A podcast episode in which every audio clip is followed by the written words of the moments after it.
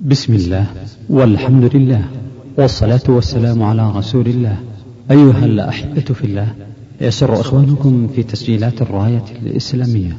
بالرياض أن يقدموا لكم دروس الشيخ عبد العزيز بن عبد الله الراجحي والتي ألقيت بجامع الأمير سلطان بمدينة الرياض. ومع شرح كتاب التوحيد لشيخ الإسلام محمد بن عبد الوهاب رحمه الله تعالى. بالإضافة إلى التعليق على فتح المجيد شرح كتاب التوحيد نسأله تعالى أن ينفع المسلمين بهذه الدروس وأن يجزي الشيخ خير الجزاء. والآن نترككم مع الشريط الأول. بسم الله الرحمن الرحيم. الحمد لله رب العالمين وصلى الله وسلم وبارك على نبينا محمد وعلى آله وصحبه أجمعين. اللهم اغفر لشيخنا وارزقنا وإياه علما نافعا وعملا صالحا متقبلا. قال الشيخ الإمام المجدد محمد بن عبد الوهاب رحمه الله تعالى في كتاب التوحيد كتاب التوحيد وقول الله تعالى وما خلقت الجن والإنس إلا ليعبدون وقوله ولقد بعثنا في كل أمة رسولا أن اعبدوا الله واجتنبوا الطاغوت وقوله وقضى ربك ألا تعبدوا إلا إياه وبالوالدين إحسانا إما يبلغن عندك الكبر أحدهما أو كلاهما فلا تقل لهما أف ولا تنهرهما وقل لهما قولا كريما واخفض لهما جناح الذل من الرحمة وقل رب ارحمهما كما ربياني صغيرا. وقوله واعبدوا الله ولا تشركوا به شيئا وقوله قل تعالوا أتل ما حرم ربكم عليكم ألا تشركوا به شيئا وبالوالدين إحسانا ولا تقتلوا أولادكم من إملاق. نحن نرزقكم وإياهم. ولا تقربوا الفواحش ما ظهر منها وما بطن ولا تقتلوا النفس التي حرم الله إلا بالحق. ذلكم وصاكم به لعلكم تعقلون. ولا تقربوا مال اليتيم إلا بالتي هي أحسن حتى يبلغ أشده. وأوفوا الكيل والميزان بالقسط.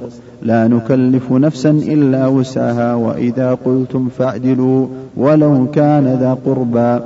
وبعهد الله أوفوا. ذلكم وصاكم به لعلكم تذكرون. وأن هذا صراطي مستقيما فاتبعوه ولا تتبعوا السبل فتفرق بكم عن سبيله. ذلكم وصاكم به لعلكم تتقون.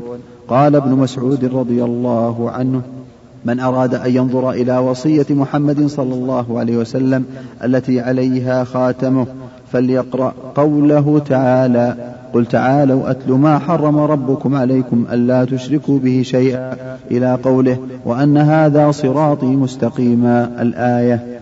وعن معاذ بن جبل رضي الله تعالى عنه قال كنت رديف النبي صلى الله عليه وسلم على حمار فقال لي يا معاذ أتدري ما حق الله على العباد وما حق العباد على الله؟ قلت الله ورسوله أعلم. قال حق الله على العباد أن يعبدوه ولا يشركوا به شيئا وحق العباد على الله ألا يعذب من لا يشرك به شيئا. قلت يا رسول الله أفلا أبشر الناس؟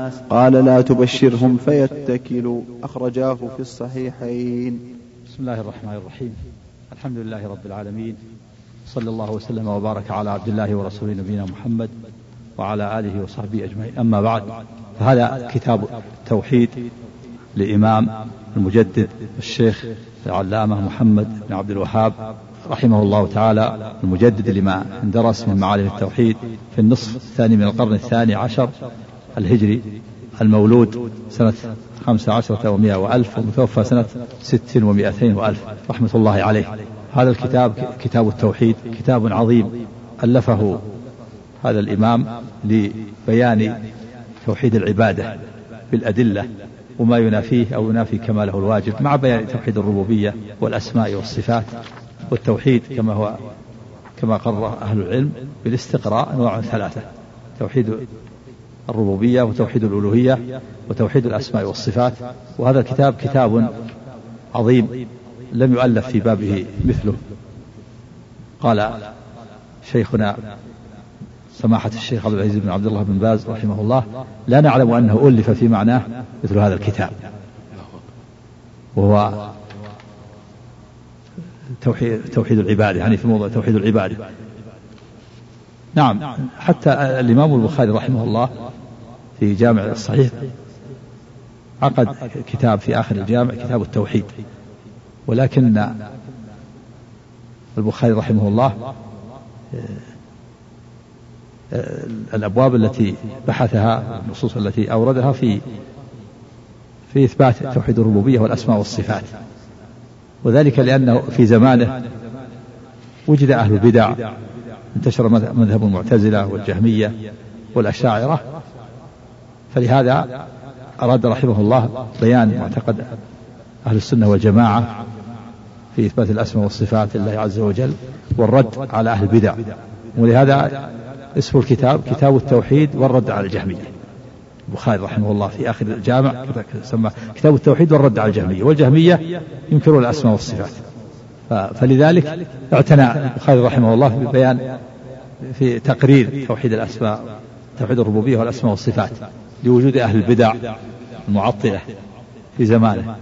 أما الإمام محمد بن الوهاب رحمه الله فإنه ألف في كتاب التوحيد في بيان توحيد العبادة. موضوعه بيان توحيد العبادة بالأدلة وما ينافيه أو ينافي كماله الواجب مع بيان توحيد الربوبية والأسماء والصفات وسبب ذلك انتشار الشرك في زمانه. انتشار الشرك الذي ينافي توحيد العبادة. وذلك أن القبور التي تعبد من دون الله كانت منتشرة في نجد وفي جزيرة العرب عامة وفي غيرها. فلهذا ألف رحمه الله هذا الكتاب في بيان توحيد العبادة. وما ينافيه من الشرك الأكبر أو ينافي كماله الواجب لأن القبور منتشرة تعبد من دون الله وتدعى ويدعى أصحابها من دون الله وينذر لهم ويذبح لهم. فلهذا اعتنى رحمه الله بتوحيد العبادة وألف هذا الكتاب وبوبه وجعل في أبواب تزيد على الستين ستة وستين بابا. وطريقته فيه طريقة البخاري رحمه الله في التراجم في الاستدلال وهو أنه يذكر الترجمة إما أن يذكر الترجمة أو تكون الترجمة آية من كتاب الله ثم يذكر الآيات ثم الأحاديث ويذكر أيضا الآثار الآثار عن من الصحابة عن الصحابة وعن التابعين أو من بعدهم وأقوال أهل العلم من التابعين ومن غيرهم قد ينقل أقوال لشيخ الإسلام قد ينقل أقوال ابن القيم ولغيرهم. فطريقته طريقة البخاري رحمه الله. ثم يذكر المسائل في آخر كل باب. فطريقة الإمام محمد محمد بن الوهاب رحمه الله في كتاب التوحيد هي هي طريقة البخاري في التراجم والتبويب وذكر الأدلة من الكتاب ومن السنة وأقوال السلف. والمؤلف رحمه الله ابتدأ كتابه يقول بسم الله الرحمن الرحيم ابتداء بالكتاب العزيز وعملا بحديث كل أمر ذي بال لا يبدأ فيه بسم الله بسم الله الرحمن الرحيم فهو أقطع. والحديث خرجه ابن حبان من طريقين. قال ابن الصلاح الحديث حسن وله شواهد عند أبي داود وابن ماجه. كل أمر ذي بال لا يبدأ فيه بالحمد لله أو بالحمد فهو أقطع. وفي, وفي لفظ لأحمد كل أمر ذي بال لا يفتتح بذكر الله فهو أبتر وأقطع وعند الدار قطني عن أبي هريرة رضي الله عنه كل أمر ذي بال لا يبدأ فيه بذكر الله فهو أقطع. واقتصر المؤلف رحمه الله في بعض النسخ على البسملة لأنها من أبلغ الثناء والذكر.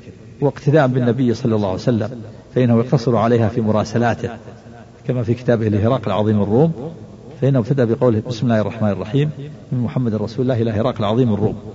سلام على من اتبع الهدى أسلم تسلم يؤتك الله أجرك مرتين وإن توليت فإنما عليك إثم الأريسيين في بعض النسخ اتصل المؤلف رحمه الله على بسم الله الرحمن الرحيم.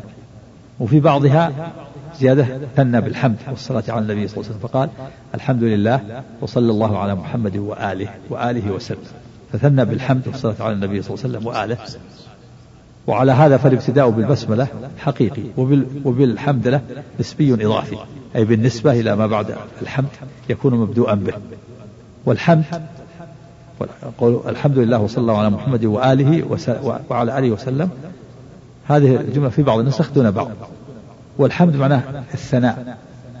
الثناء بالكلام على الجميل الاختياري على وجه التعظيم. الحمد أبلغ من من المدح فالحمد هو الثناء على المحمود على فعله الاختياري مع حبه وإجلاله وتعظيمه. بخلاف المدح فإن المدح ثناء عليه بالصفات الموجودة فيه وقد لا تكون اختيارية. ولا يكون مع ولا يلزم أن يكون مع حب. فأنت تثني على الأسد بأنه قوي في عضلاته ولكنك لا تحب. بخلاف الحمد فإن الحمد ثناء على المحب على صفاته الاختيارية صفات على صفاته الاختيارية مع حبه وإجلاله وتعظيمه. ولهذا ورد في الكتاب والسنة الحمد لله رب العالمين. في جناب في حق الرب سبحانه وتعالى بالحمد. قال الحمد لله رب العالمين. ولم يقل أمدح الله. قال الحمد لله. والحمد يكون بالقلب وباللسان. وهو أخص من الشكر لأن الشكر يكون باللسان وبالقلب وبالجوارح. فهو أعم من الحمد متعلقا وأخص منه سببا. لأن الشكر يكون في مقابل مقابل النعمة. والحمد يكون في مقابل النعمة وغيرها. فالشكر أعم من الحمد متعلقا وأخص منه سببا. فالشكر أعم من الحمد متعلقا وأخص منه سببا أعم منه لأن الشكر يكون بالقلب وباللسان وبالجوارح. لكن سببه النعمة. والحمد أعم سببا وأخص متعلقا لأن الحمد يكون بالقلب واللسان ويكون في مقابل النعمة وغيرها. فبينهما عموم وخصوص وجهي. يجتمعان في النعمة. الثناء على المنعم يسمى شكرا ويسمى حمدا. وينفرد كل واحد منهما عن الآخر في مادة. ينفرد الحمد بأنه يكون بالقلب واللسان. وينفرد الشكر بأنه في مقابل النعمة. وقيل لا فرق بينهما. وكل منه يكون بالقلب واللسان والجوارح. قوله صلى الله على محمد أصح ما قيل في معنى صلاة الله على عبده ما ذكره البخاري رحمه الله عنه بالعالية قال صلاة الله على عبده ثناء عليه في الملائكة الأعلى يعني عند الملائكة. وقيل آه، إن الصلاة تشمل الثناء والرحمة إلا إذا اجتمعا كما في قوله تعالى أولئك عليهم صلوات من ربهم ورحمة فتختص الصلوات بالثناء. على محمد اسم نبينا عليه الصلاة والسلام.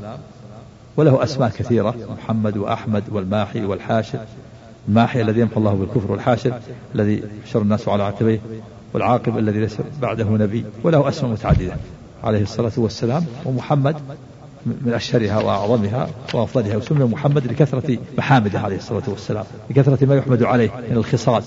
وعلى آله. آله قيل المراد بهم أزواجه وذريته وقيل المراد بهم أتباعه على على دينه. والصواب أن الآل هم أتباعه على دينه ويشمل الصحابة ويشمل أزواجه وذريته. فعطف الصح على الآل من باب عطف الخاص على العام. وعطف الآل على الصحب من باب عطف العام على الخاص.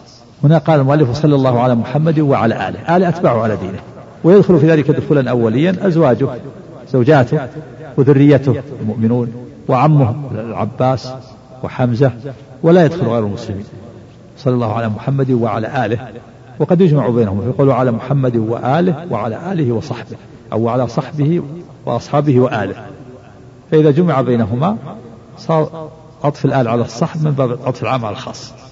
وإذا قدم الآل وعطف عليه الصحب صار من عطف الخاص على العام. لأن آله تشمل الصحابة تشمل من بعدهم. تشمل الذرية وتشمل الأزواج.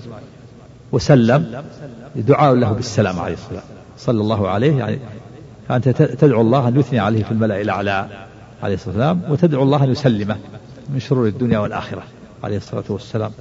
ثم قال المؤلف رحمه الله كتاب التوحيد. كتاب كما هو مصدر. كتب يكتب كتابا وكتابة وكتبا.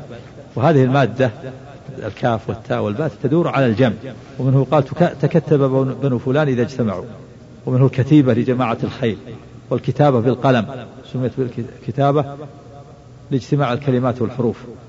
سمي الكتاب كتابا لأنه يجمع علوما متنوعة. والتوحيد قسمه العلماء إلى ثلاثة أقسام توحيد الربوبية وتوحيد الألوهية وتوحيد الأسماء والصفات. وهذه الأنواع دليلها الاستقراء. العلماء استقرأوا النصوص من الكتاب والسنة فوجدوا التوحيد ينقسم إلى هذه الأقسام. ومن العلماء من قسمه إلى قسمين. شيخ الإسلام ابن تيمية وابن القيم قالوا التوحيد نوعان. توحيد في المعرفة والإثبات وهذا يشمل توحيد الربوبية وتوحيد الأسماء والصفات. وتوحيد في الطلب والقصد وهذا هو توحيد العبادة. ثم قال المؤلف رحمه الله تعالى وقول الله تعالى وما خلقت الجن والإنس إلا ليعبدون وقول بالجر معطوف على التوحيد. كتاب التوحيد وقول الله تعالى. وما خلقت الجن والإنس إلا ليعبدون. فالمؤلف رحمه الله آه، صدر هذا الكتاب بالآيات ثم بالأحاديث وبأقوال بعض الصحابة. على طريقة البخاري رحمه الله كما سبق. هذه الآية وقول الله تعالى وما خلقت الجن والإنس إلا ليعبدون فيها بيان الحكمة من خلق الجن والإنس وأن الله تعالى خلق الجن والإنس لعبادته والعبادة هي التوحيد. خلقهم لعبادته وتوحيده وطاعته. فالآية فيها بيان الحكمة من خلق الجن والإنس وهناك حكم أخرى لخلق الجن والإنس وهي ابتلاءهم أيهم أحسن عملا؟ كما قال الله تعالى الذي خلق الموت والحياة ليبلوكم أيكم أحسن عملا. ومنها من الحكم أيضا أن يعرف الرب بأسمائه وصفاته وأنه على كل شيء قدير. وأنه محيط بكل شيء علما. كما قال الله تعالى الله الذي خلق سبع سماوات ومن الأرض مثلهن يتنزل الأمر بينهن لتعلموا أن الله على كل شيء قدير وأن الله قد أحاط بكل شيء علما. والجن والإنس هم الثقلان. وقد قدم الجن على الإنس لأنهم أكثر. قدم الجن لأنهم أكثر من الإنس. وسمي الجن جن من الاجتنان وهو الاستتار. لأنهم يستترون ويختفون عن الأعين. والإنس من النوس وهو الحركة. فالأنس لأنهم يؤنسون ويظهرون أما الجن فإنهم يستترون ويختفون وقد يظهرون أحيانا لكن الغالب أنهم يختفون وأنهم لا يروننا هم هم يروننا ونحن لا نراهم.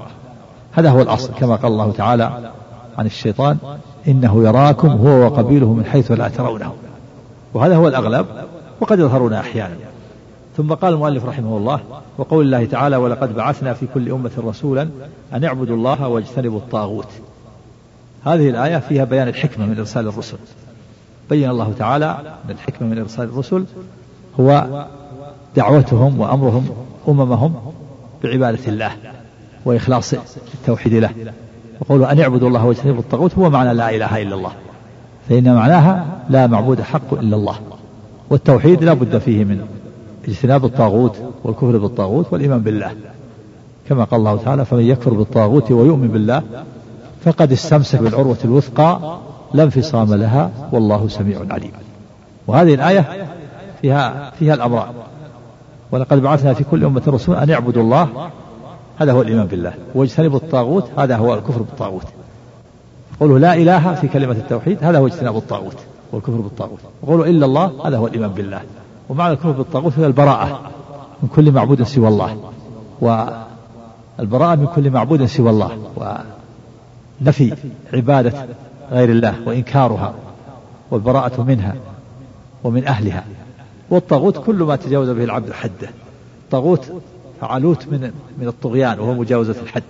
حد العبد أن يكون أن يكون عبدا لله عز وجل. فإذا تجاوز حده بأن دعا غير الله أو رضي أن يعبد من دون الله أو حكم بغير ما أنزل الله فإنه يكون طاغوتا لتجاوز حده. حد الإنسان أن يكون عبدا لله مخلوق لعبادة الله. فإذا تجاوز هذا الحد بأن دعا إلى غير الله أو حكم بغير ما أنزل الله أو رضي بأن يعبد من دون الله فإنه يكون طاغوتا لتجاوزه الحد الذي حد له وهو أن وهو أنه عبد لله عز وجل. ويشمل الكافر والمبتدع والعاصي. فإن المبتدع والعاصي عنده نوع من الطغيان. لكن الطغيان الكامل هو طغيان الكافر. الكافر طاغوت تجاوز حده. وكذلك المبتدع والعاصي عنده نوع من تجاوز الحد وإن لم يكن تجاوزا كاملا. ثم قال المؤلف وقول الله تعالى وقضى ربك ألا تعبدوا إلا إياه وبالوالدين إحسانا. قوله وقضى, وقضى ربك ألا تعبدوا إلا إياه يعني أمر ووصى بألا يعبد إلا إياه. وقضى ربك ألا تعبدوا إلا إياه هو معنى لا إله إلا الله. لا تعبدوا إلا إياه. لا إله إلا الله. فيها نفي وإثبات. لا تعبدوا إلا إياه. نفي العبادة عن غير الله وإثبات غير الله وقال قضى يعني يعني أمر ووصى ألا تعبدوا إلا إياه يعني أن تعبدوه وحده دون ما سواه. وهذا هو معنى لا إله إلا الله.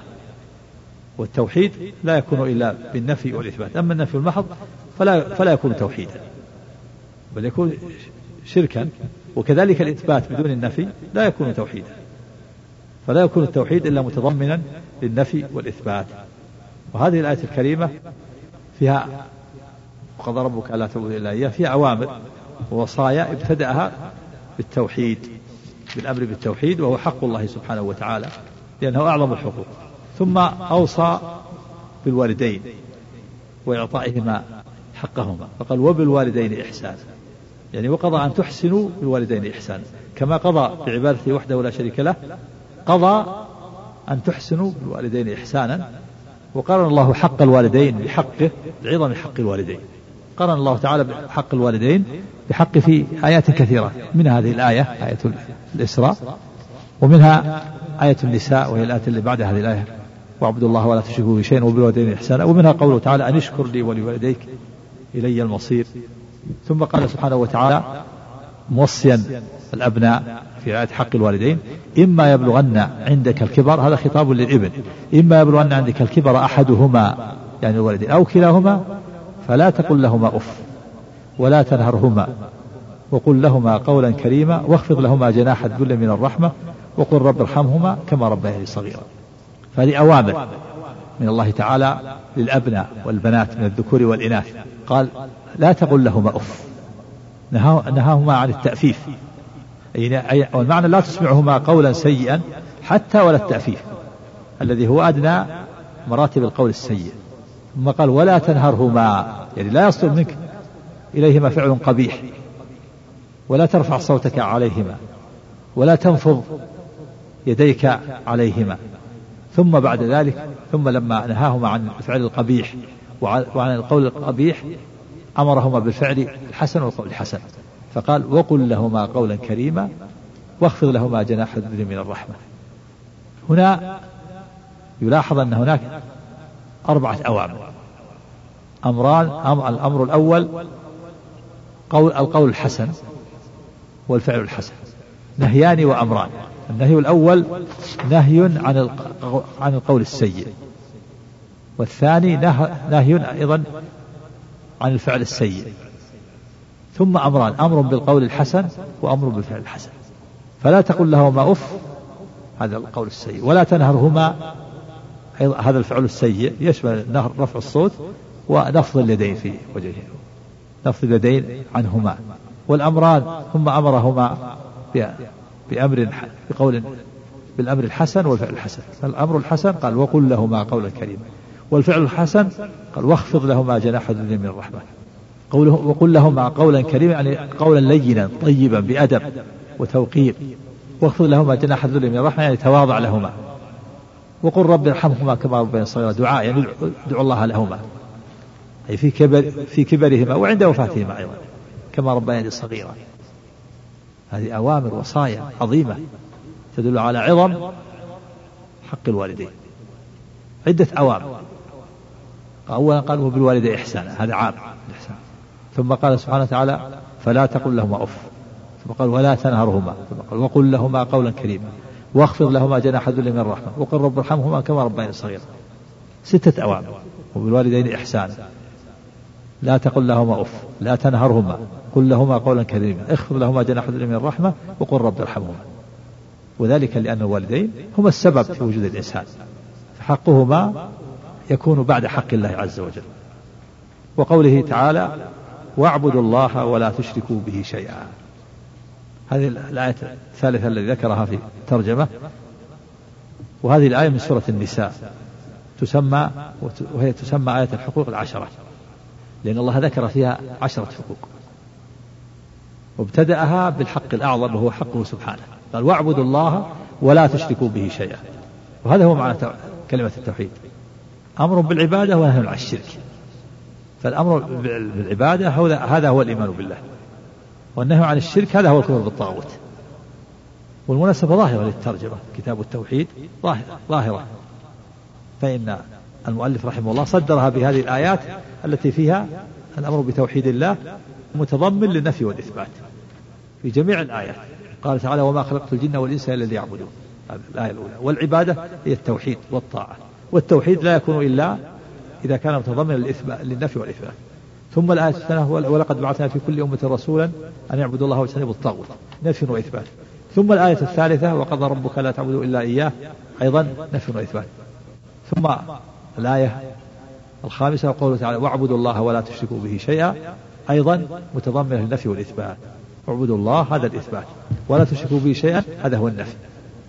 ثم بعد ذكر الله سبحانه وتعالى بعد ذلك بقية الحقوق التسعة واعبدوا الله ولا تشركوا به شيئا ثم قال وبالوالدين إحسانا وبذي القربى أمر الله الإحسان إلى الوالدين. وبذي القربى الإحسان إلى الأقارب واليتامى.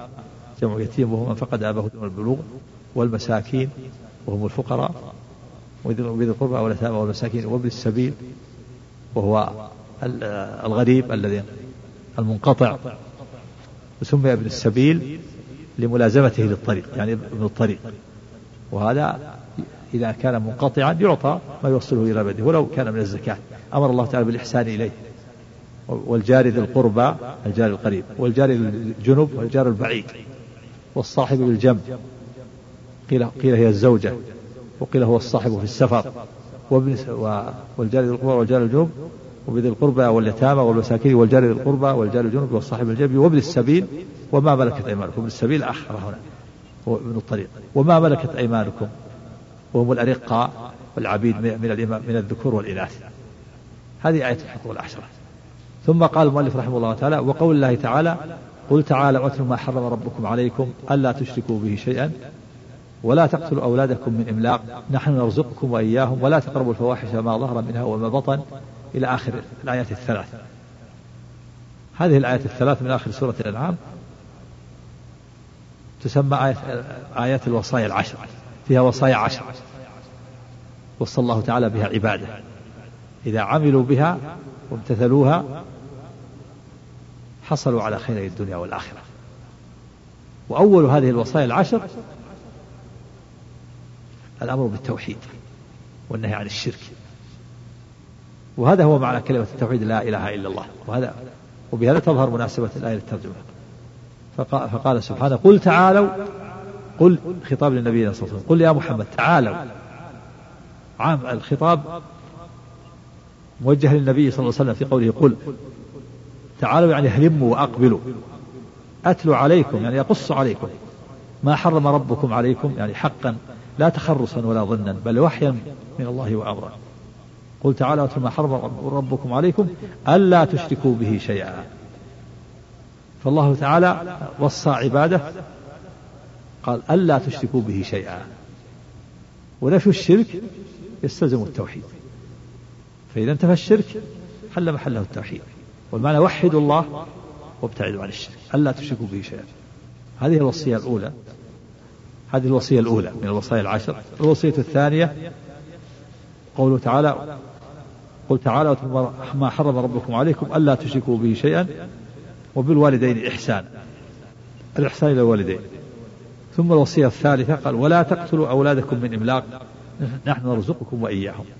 الإملاق هو الفقر. نهي عن قتل الأولاد خشية الفقر كما يفعله أهل الجاهلية. يقتلون أولادهم خشية الفقر. ومنهم من يقتلهم خشية العار يقتل البنات يدفنونهن وهن أحياء خشية العار. ولا تقتلوا أولادكم من إملاق وهو الفقر. نحن نرزقكم وإياهم. ثم آه، الوصية الرابعة قول ولا تقربوا الفواحش ما ظهر منها وما بطن. هذا نهي عام عن جميع أنواع الفواحش وهي المعاصي.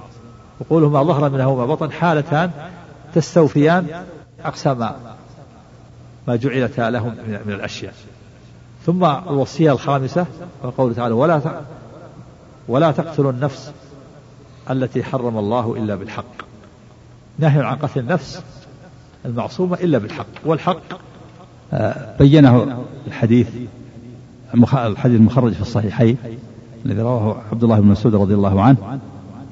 أن النبي صلى أن النبي صلى الله عليه وسلم قال لا يحل دم امرئ مسلم يشهد أن لا إله إلا الله وأن محمد رسول الله إلا بإحدى ثلاث. الثيب الزاني والنفس بالنفس والتارك لدينه المفارق للجماعة. هذه حقوق خمسة ذكرت في الآية الأولى. ختمها سبحانه بقوله ذلكم وصاكم به لعلكم تعقلون. ذلكم إشارة إلى هذه المحرمات. والوصية هي الأمر المؤكد المقرر. وقوله لعلكم تتقون لعل للتعليم أي أن الله تعالى وصانا بهذه الوصايا لنعقلها عنه ونعمل بها. ثم قال سبحانه ولا تقربوا مال اليتيم إلا بالتي هي أحسن حتى يبلغ أشد أشد هذه الوصية السادسة. وهذا نهي عام عن القرب الذي يعم وجوه التصرف وفيه سد الذريعة. ثم استثنى سبحانه وتعالى ما يحسن وهو السعي في نمائه. وقولوا حتى يبلغ أشده المراد به الرشد زوال السفة مع البلوغ. ثم قال سبحانه وأوفوا الكيل والميزان بالقسط لا نكلف نفسا إلا وسعها. هذه هي الوصية السابعة. يأمر الله تعالى فيها بإقامة العدل في الأخذ والإعطاء. ولا يكلف الله الإنسان إلا على حسب حسب وسعه فإذا اجتهد في أداء الحق وأخذه واستفرغ الوسع وبذل جهده فلا حرج عليه إن حصل خطأ. ثم قال سبحانه الوصية الثامنة وإذا قلتم فاعدلوا. هذا أمر بالعدل في القول والفعل على القريب والبعيد. كما قال الله سبحانه وتعالى في الآية الأخرى ولا يجرمنكم شنآن قوم على ألا تعدلوا اعدلوا هو أقرب للتقوى. فلا يميل الإنسان إلى القريب ولكنه يقول الحق على القريب والبعيد. ثم قال سبحانه في الوصية التاسعة وبعهد الله أوفوا. المعنى وبوصية الله التي وصاكم بها أوفوا. وإيفاء الوصية طاعة الله في أوامره والانتهاء عن نواهيه والعمل بكتابه وسنة رسوله صلى الله عليه وسلم. وهذا هو الوفاء بعهد الله. ثم ختم سبحانه وتعالى الآية بقوله ذلكم وصاكم به لعلكم تذكرون. يعني لعلكم تتعظون وتنتهون عما كنتم فيه مما يخالف شرع الله. ثم بين الله سبحانه وتعالى في الآية الثالثة الوصية العاشرة وأن هذا صراط مستقيما فاتبعوه. ولا تتبعوا السبل فتفرق بكم عن سبيله. أمر الله تعالى اتباع الصراط المستقيم. والصراط المستقيم هو دي هو هو دين الإسلام. وهو حبل الله ودينه. وهو ما جاء به محمد صلى الله عليه وسلم من الشريعة الخاتمة. وهو ما جاء في القرآن والسنة. وهذه هي الوصية العاشرة يقول وأن هذا صراطي مستقيما فاتبعوه ولا تتبعوا السبل فتفرق بكم عن سبيله. وحد الصراط المستقيم وحد الصراط لأن دين الله واحد والحق واحد لا يتعدد. وجمع السبل لأن طرق الباطل متشعبة وكثيرة متعددة. ثم ختم الآية بقوله ذلكم وصاكم به لعلكم تتقون. ولهذا سمت هذه الآية بالوصايا بالوصايا العشر. وصاكم ذلكم وصاكم به لعلكم تتقون. الآية الأولى قال ذلكم وصاكم به لعلكم تعقلون. في الآية الثانية قال ذلكم وصاكم به لعلكم تذكرون. وفي الآية الثالثة قال ذلكم وصاكم به لعلكم تتقون. وذلك لأنهم إذا تعقلوا تذكروا ثم عملوا فصاروا متقين. أولا التعقل إذا تعقل الإنسان ثم تذكر, تذكر ثم عمل فصار من المتقين. ثم ذكر المؤلف رحمه الله بعد هذه الآيات قول ابن مسعود رضي الله عنه. قال ابن مسعود رضي الله عنه من أراد أن ينظر إلى وصية محمد صلى الله عليه وسلم التي عليها خاتمة فليقرأ قوله تعالى قل تعالوا أتلوا ما حرم ربكم عليكم ألا تشركوا به شيئا إلى قوله وأن هذا صراطي مستقيما فاتبعوه ولا تتبعوا السبل فتفرق بكم عن سبيله. ذلكم وصاكم به لعلكم تتقون. معنى كلام مسعود رضي الله عنه أن النبي صلى الله عليه وسلم لم يوصي. ولو أوصى لكانت وصيته هي وصية الله. المعنى لو أن النبي أوصى لكانت هي وصية الله لعباده. والله تعالى وصى عباده بهذه بهذه الوصايا العشر. ولا يمكن أن يوصي النبي صلى الله عليه وسلم أمته إلا بما وصاهم الله به. ولهذا قال ابن مسعود من أراد أن ينظر إلى وصية محمد صلى الله عليه وسلم التي هي عليها خاتمه فليقرأ هذه الآية. لأن وصية النبي صلى الله عليه وسلم هي وصية الله لعباده. ثم ذكر المؤلف رحمه الله هي معاذ بن جبل الذي أخرجه الشيخان قوله عن معاذ بن جبل رضي الله عنه قال كنت رديف النبي صلى الله عليه وسلم على حمار. فقال لي يا معاذ أتدري ما حق الله على العباد وما حق العباد على الله؟ قلت الله ورسوله أعلم. قال حق الله على العباد أن يعبدوه ولا يشركوا به شيئا. وحق العباد على الله ألا يعذب من لا يشرك به شيئا. قلت يا رسول الله أفلا أبشر الناس قال لو لا تبشروا فيتكلوا أخرجه في الصحيحين. هذا الحديث أخرجه البخاري ومسلم رضي الله عنه. وهذا الحديث آه، قاله النبي صلى الله عليه وسلم وهو رديفة على الحمار. فيه تواضع النبي صلى الله عليه وسلم حيث أردف معاذ على الحمار على خلاف عادة المتكبرين الذين يستنكفون أن يكون لهم رديف. العظماء والكبراء يستنكف أن يكون معه رديف. أما النبي صلى الله عليه وسلم متواضع عليه الصلاة والسلام. هو قدة المتواضعين عليه الصلاة والسلام. ثم قال أتدري ما حق الله على العباد؟ أخرجه بصيغة السؤال. حتى أخرج السؤال بصيغة الاستفهام ليكون أوقع في النفس وأبلغ في فهم المتعلم. وفي حديث آخر النبي صلى الله عليه وسلم قال أتدري ما حق الله على العباد؟ وفي في حديث آخر النبي كرر دعاء قال يا معاذ. ثم سار ساعة. قال أتدري ما حق الله العباد ثم سار ساعة. وقال وناداه يا معاذ. ثم سار ساعة. يعني جزء من الزمن. وذلك ليتشوق معاذ رضي الله عنه لما يلقى إليه. أتدري ما حق الله على العباد؟ وما حق العباد على الله؟ فقال معاذ قلت الله ورسوله أعلم. وهذا فيه حسن الأدب من المتعلم. وأنه ينبغي لمن سئل عما لا يعلم أن يقول ذلك. يقول الله ورسوله أعلم. وهذا في حياته عليه الصلاة والسلام. قال الله ورسوله أعلم. أما بعد وفاته فإنه يقال الله أعلم. فقط لأن الرسول صلى الله عليه وسلم لا يعلم الغيب. قال حق الله على العباد أن يعبدوه ولا يشركوا به شيئا ولا يشركوا به شيئا. يعني حق الله العبادة أن يوحدوه بالعبادة بالحب بغاية الحب مع غاية الذل والخضوع. كما قال ابن القيم رحمه الله عباده الرحمن غاية حبه مع ذل عابده هما له قطبان وعليهما فلك العبادة دائر ما دار حتى قامت القطبان ومداره بالأمر أمر رسوله لا بالهوى والنفس والشيطان. هذا أعظم الحقوق. حق الله التوحيد. ثم قال وحق العباد على الله ألا يعذب من لا يشرك به شيئا. فيها بيان الفرق بين الحقين. حق الله والتوحيد لأن الخصومة فيه. وحق العباد ألا يعذب من لا يشرك به شيئا. وهناك فرق بين الحقين حق الله حق إلزام وإيجاب. وحق العباد حق تكرم وتفضل. قال الشاعر ما للعباد عليه حق واجب. كلا ولا سعي لديه ضائع. إن عذبوا فبعدله أو نعموا فبفضله وهو الكريم الواسع. حق الله حق إيجاب وإلزام وحق العباد حق تفضل وإكرام. ثم قال معاذ رضي الله عنه قلت يا رسول أفلا أبشر الناس؟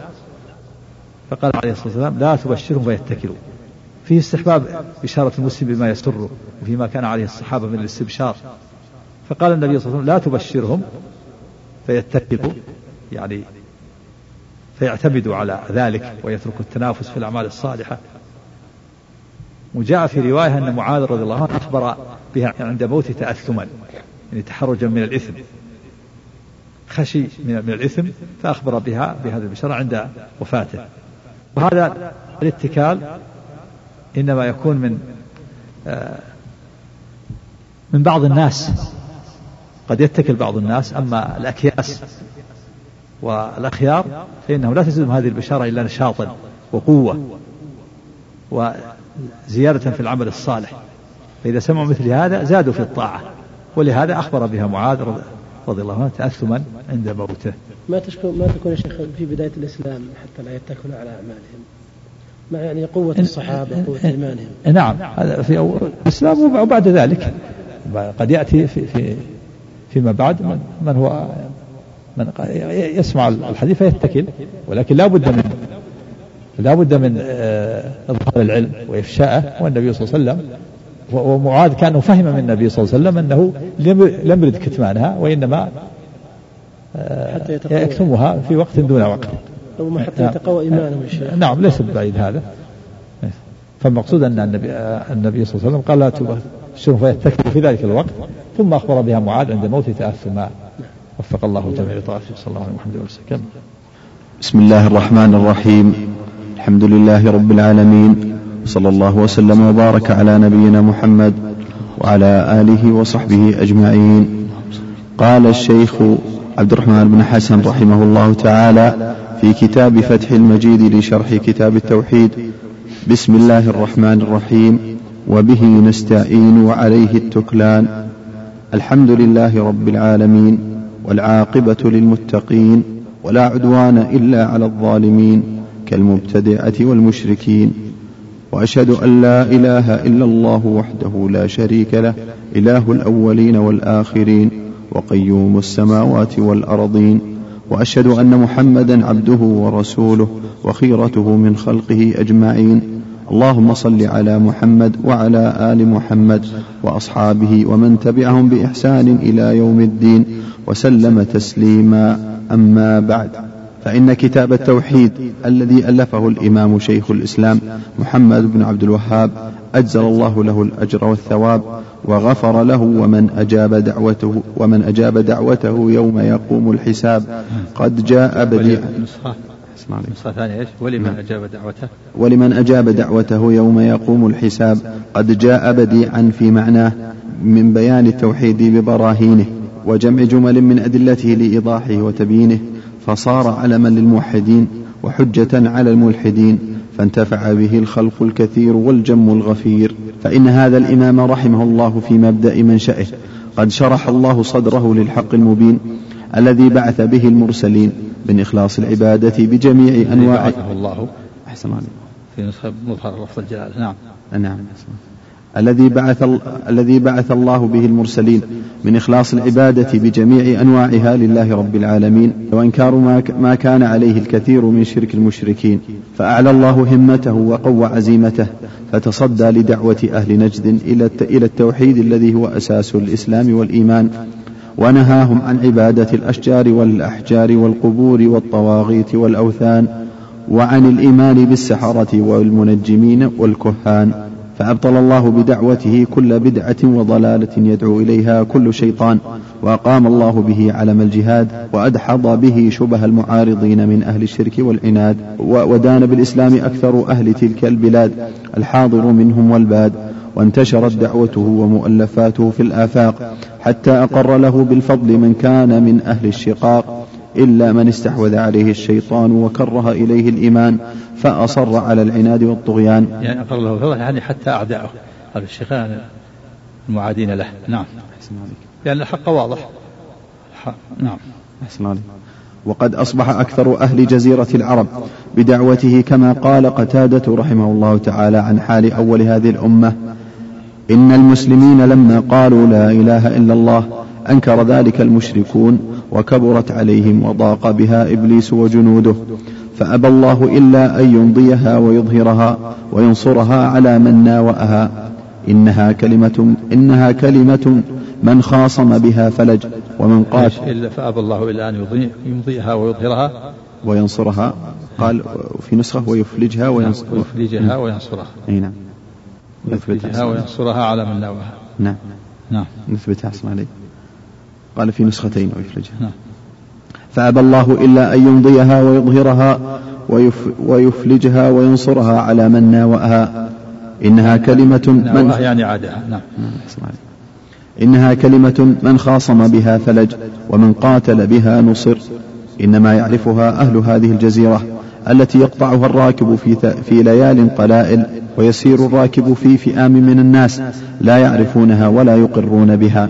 وقد شرح الله صدور كثير من العلماء لدعوته وسروا, وسروا واستبشروا بطلعته وأثنوا عليه نثرا ونظما. فمن ذلك ما قاله عالم صنعاء محمد بن إسماعيل الأمير في هذا الشيخ رحمه الله تعالى شعرا. وهو صاحب سبل السلام. والصنعاني رحمه الله محمد إسماعيل الأمير هو صاحب سبل السلام. وقد جاءت الأخبار عنه بأنه يعيد لنا الشرع الشريف بما يبدي وينشر جهرا ما طوى كل جاهل ومبتدع منه فوافق ما عندي ويعمر أركان الشريعة هادما مشاهد ضل الناس فيها عن الرشد أعادوا بها معنى سواع ومثله. أحسن عليك. أعادوا بها معنى سواع ومثل ومثله.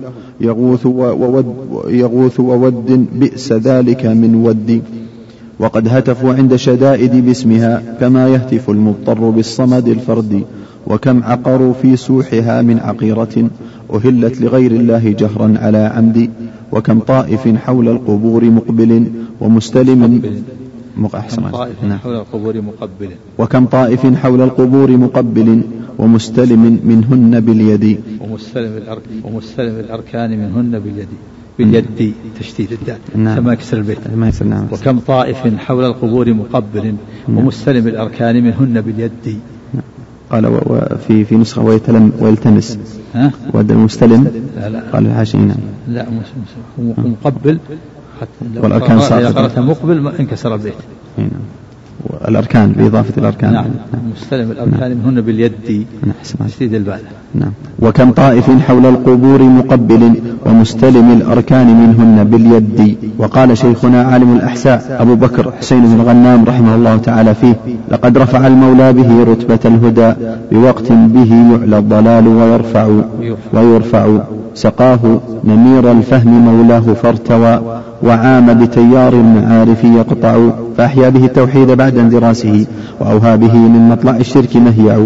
سما ذروة المجد التي ما ارتقى لها سواه ولا حاذا فناها سميدع وشمر وشمر في منهاج سنة أحمد.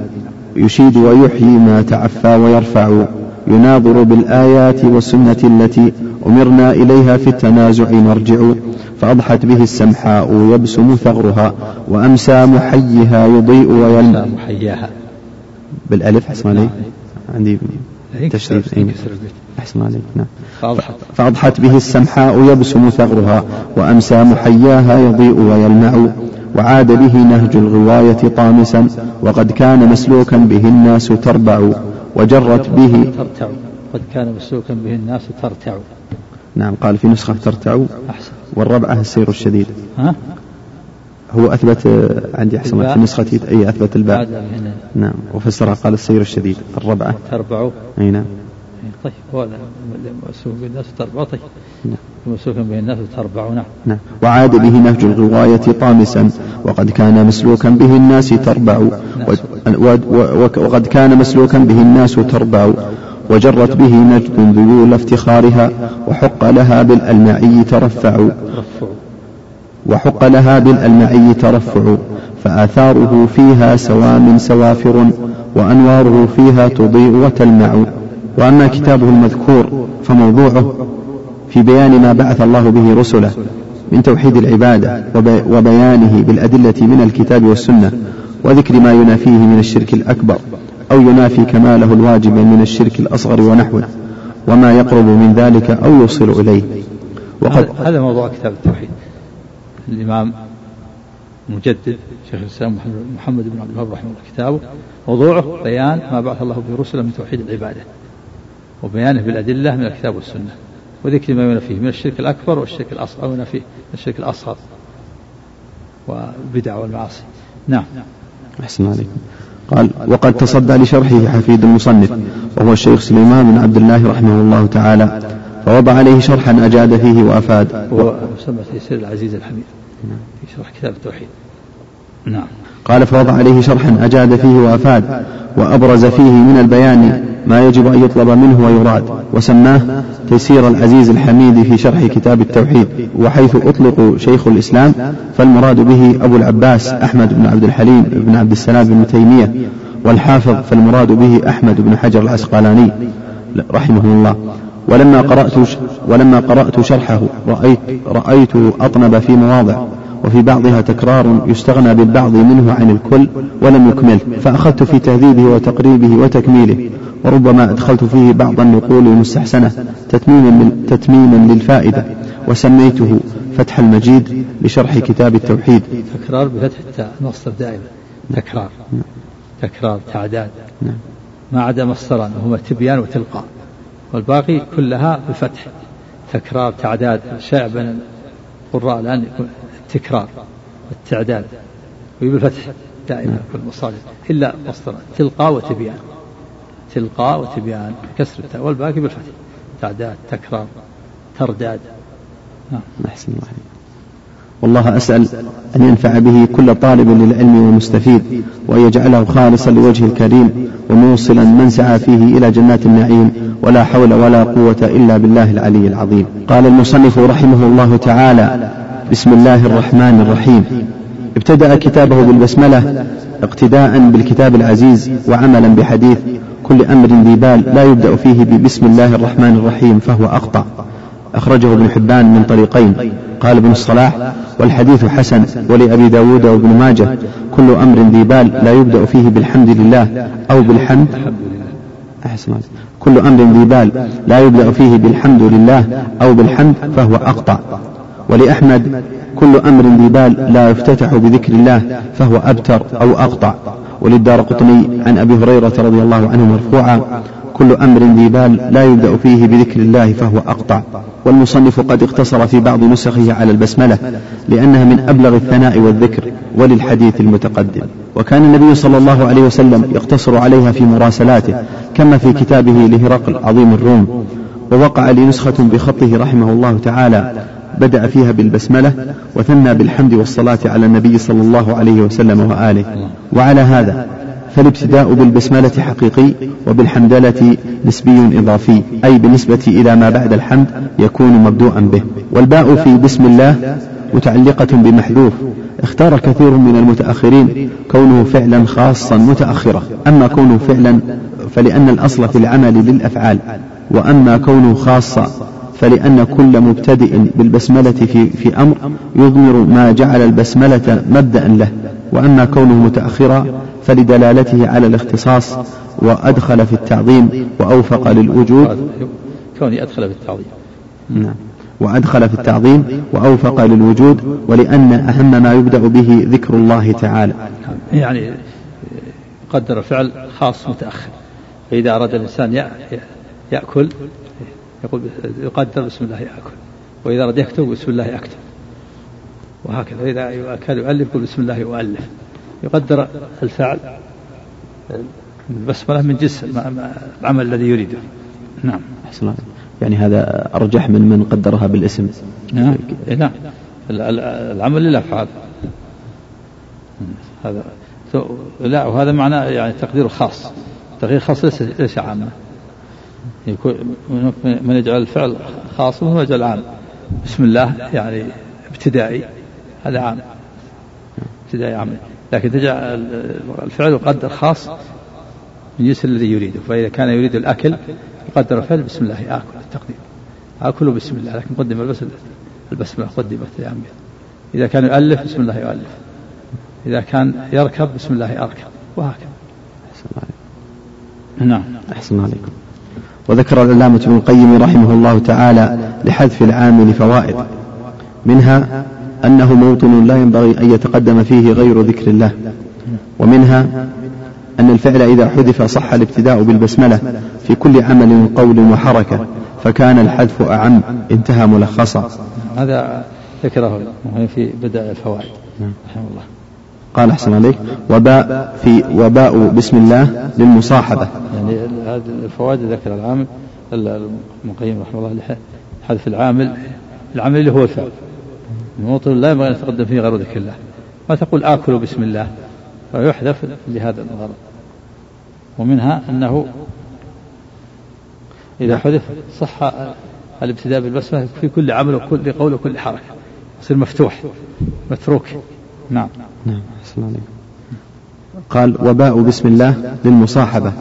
وقيل للاستعانة. فيكون التقدير بسم الله أؤلف حال كوني مستعينا بذكره متبركا به. يعني باء بسم الله كلمة بسم الله للمصاحبة.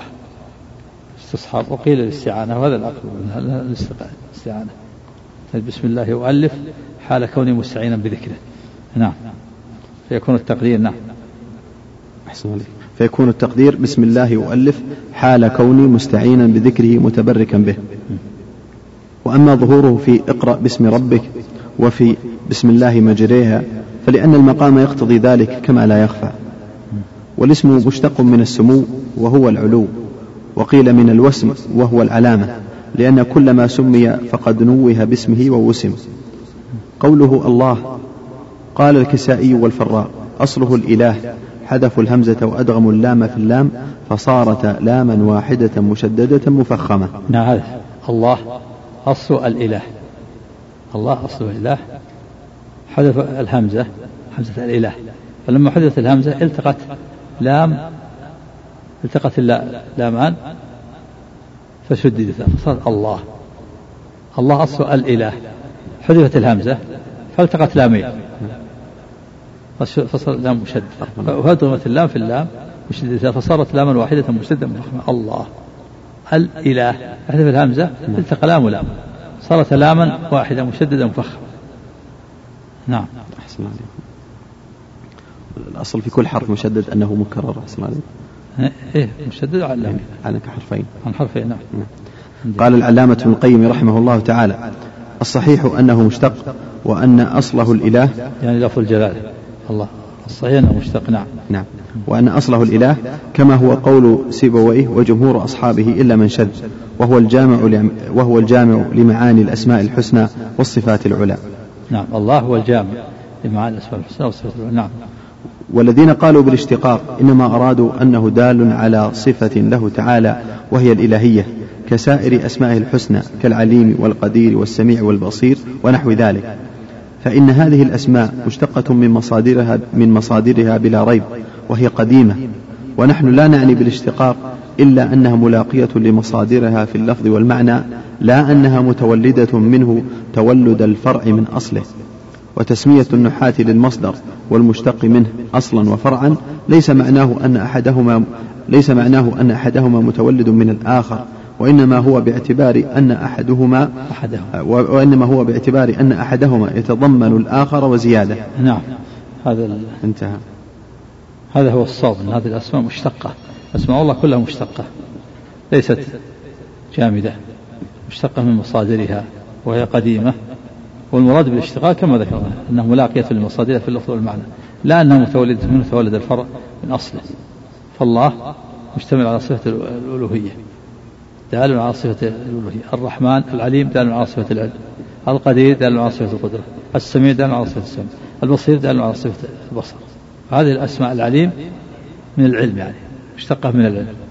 قدير من القدرة السميع من السمع. المشتقة من المصادر؟ مصدر العليم العلم مصدر القدير القدرة وهكذا. يعني إنما هو باصطلاح النحويين. نعم. إنما هو باصطلاح النحويين. يقول ليس المراد الاشتقاق أنها متولدة متولدة من الأصل وإن المراد أنها ملاقيه لمصادرها في اللفظ والمعنى تلتقي من مصادرها العليم يلتقي مع العلم القدير يلتقي معه في اللفظ والمعنى. هذا معنى مشتقة منه يعني ليست متولدة متولدة الفرد من الأصل ولكنها ملاقية له مصادرها ودالة على الصفات. وهذه اسمها دالة على الصفات. نعم. قال أبو جعفر أبو جعفر بن جرير رحمه الله الله أصله الإله أسقطت الهمزة التي هي فاء الإسم فالتقت اللام التي هي عين الإسم واللام الزائدة وهي ساكنة فأدغمت في الأخرى فصارتا في اللفظ لاما واحدة مشددة. هذا انتهى. نعم هذا كلام وجعفر بن جرير شيخ المفسرين. يقول أصل الإله أصل الله الإله. أصل الإله أسقطت الهمزة. همزة الإله والهمزة هي فاء الكلمة. لأن لأن الكلمة الآن معروفة أنها في الميزان أنها أنها لها فاء وعين ولام. هذا أصلا فعل فاء الكلمة الإله. الإله على وزن فعال إله حذفت الهمزة. الهمزة هي فاء الكلمة. حذفت الهمزة التي في هي فاء الاسم فالتقت اللام التي هي عين, عين الاسم الإله الثانية واللام الزائدة الأولى. لامين اللام زائدة التي قبل الهمزة. ولام الثانية التي هي عين الكلمة فعال. التقت لام ولام. أيهما ساكنة اللام الزائدة ساكنة. الإله واللام التي هي عن الاسم. مفتوح. إله الإله هذا الفعل فالتقتا فصارتا في اللفظ الأمر واحدة مشددة. الله الله. أصل الإله. حدث الهمزة في الكلمة وجاءت اللام الساكنة اللي قبل الهمزة مع اللام المتحركة التي بعد بعد الهمزة. اللام اللي بعد الهمزة هي هي عين الكلمة واللام التي قبل الهمزة سائدة. فالتقتا الله. وشددها صارت لام مشددة مفخرة. نعم. أحسن عليك وقال وأما تأويل الله. وقال عندك وقال؟ نعم أحسن عليك. يعني قال ابن جرير. أي نعم. طيب. وقال اجعلها بين معكوفتين أحسن عليك. نعم. قال إضافة يقتضيها السياق. وقال وأما تأويل الله فإنه على معنى ما روي لنا عن عبد الله بن عباس رضي الله تعالى عنهما هو الذي يألهه كل شيء ويعبده كل خلق. هنا قال جاءت هنا. النسخة الثانية قال هو الذي يألهه كل شيء ويعبده كل خلق. هذا معنى الذي يألهه كل شيء ويعبده كل خلق. نعم. وساق بسنده عن الضحاك عن عبد الله بن عباس رضي الله عنهما قال الله ذو الله ذو الألوهية والعبودية على خلقه أجمعين. فإن قال لنا قائل وما دل على أن الألوهية هي العبادة وأن الإله هو المعبود وأن له أصلا في في فعل ويفعل؟ قيل لا تم لا تمانع لا تمانع فإن قيل فإن قال لنا قائل. قال فإن قال لنا قائل. وما دل على أن الألوهية في هي العبادة وأن الإله هو المعبود وأن له أصلا في فعل ويفعل. قيل لا تمانع بين العرب في الحكم. وذكر بيت رؤبة بن العجاج. قيل قيل. هذه زائدة. جعلها بين معقوف قيل إيش؟ قال في في ساقطة في جميع النسخ. إيه، قيل إيش؟ قيل لا ت... لا ت... لا لا تمانع بين العرب في الحكم. إيه؟ أو لا ت... لا تمانع العرب. لا تمانع قال بين العرب في الحكم. لا تمانع بين. العرب في لا نعم. لا تمانع بين العرب في الحكم. وذكر فعل يفعل من باب فعل قل فعل يفعل من باب نصر ينصر. ويجوز فعل يفعل من باب فتح يفتح. لأن ثالثه حرف حلق. فيفتح ثاني مضارعة. هنا قال قال له أصلا في فعل فعل يفعل ويجوز فعل يفعل فعل يفعل هذا سماع فعل يفعل هذا قياسي لأن القاعدة أنه إذا كان ثالث حرف حلق يفتح ثاني مضارع فعل يفعل إذا كان أحسن عليك الثالث هو حرف حلق إيه. يفتح عين مضارع؟ إذا كان ثالث حرف حلق يفتح ثاني مضارع. ثاني ثاني مضارع. هذا القياس. والسماع فعل يفعل من باب نصر ينصره قيل لا, تما لا, لا تمانع بين العرب في الحكم وذكر بيت رؤبة بن العجاج لله در الغانيات المدهي. هنا ذكر في الحاشية أظن حامد حامد فقيه. نعم. يقول كذا في الأصل والعبارة مع القصة. ونصها فإن قال لنا قائل فهل لذلك يفعل ويفعل أصل كان منه كان منه بناء هذا الاسم إما سماع من العرب أما سماع من العرب فلا ولكن استدلال. فإن قال وما دل على أن الألوهية على وما دل على أن الألوهية هي العبادة وأن الإله هو المعبود وأن له أصلا في فعل يفعل قيل لا تمانع العرب في الحكم لقول القائل يصف رجلا بعبادة ويطلب مما عند الله تأله فلان بالصحة ولا خلاف ومن ذلك قول رؤبة. هذا موجود هذا موجود في الأصل. ويقول هذا موجود في الأصل. إيه. ساقط لم يثبت حتى هنا. نعم. نعم حسن. قال وذكر بيت رؤبة بن العجاج لله در الغانيات المدهي سبحنا واسترجعنا من تأله يعني من تعبدي وطلب الله بعملي. ولا شك أن التأله التفاعل لله در الغانيات هذا النساء المدهي قال في اللسان مدهه يمدهه مدها مثل مدحه. نعم. وجمع المده هي المستحقات للمدح. لحسنهن وجمالهن. لله در الغانيات المدهي يعني مستحقات المدح سبحنا واسترجعنا من تأله سب التأله التنسك التعبد. واسترجعنا قلنا إنا إله إنا لله وإنا إليه راجعون. لأن هذه الغانيات يعني كأنها كأنه كان في الأول عنده يعني كان عنده انحراف. مع هذه الغانيات ثم بعد ذلك تاب. فلما تاب واسترجع سبحنا واسترجعنا قال سبحان الله إن الله رجع كيف رجع وتاب؟ سبحنا من تأله وتعبده. فقال لله در الغاليات المدهي يعني مستحقات المدح سبحنا واسترجعنا من تأله. كل واحد قال سبحان الله إن الله راجعون. كيف رجع وتاب؟ سبحنا من تأله من تعبد لله. يعني يريدنا أن يكون كما كان في حالته الأولى معهم. لله در الغانيات المدهي. والشاهد قوله سبحنا واسترجعنا من تأله التأله معناه هي العبادة. أي ولذا قال يعني من تعبدي وطلبي الله بعملي.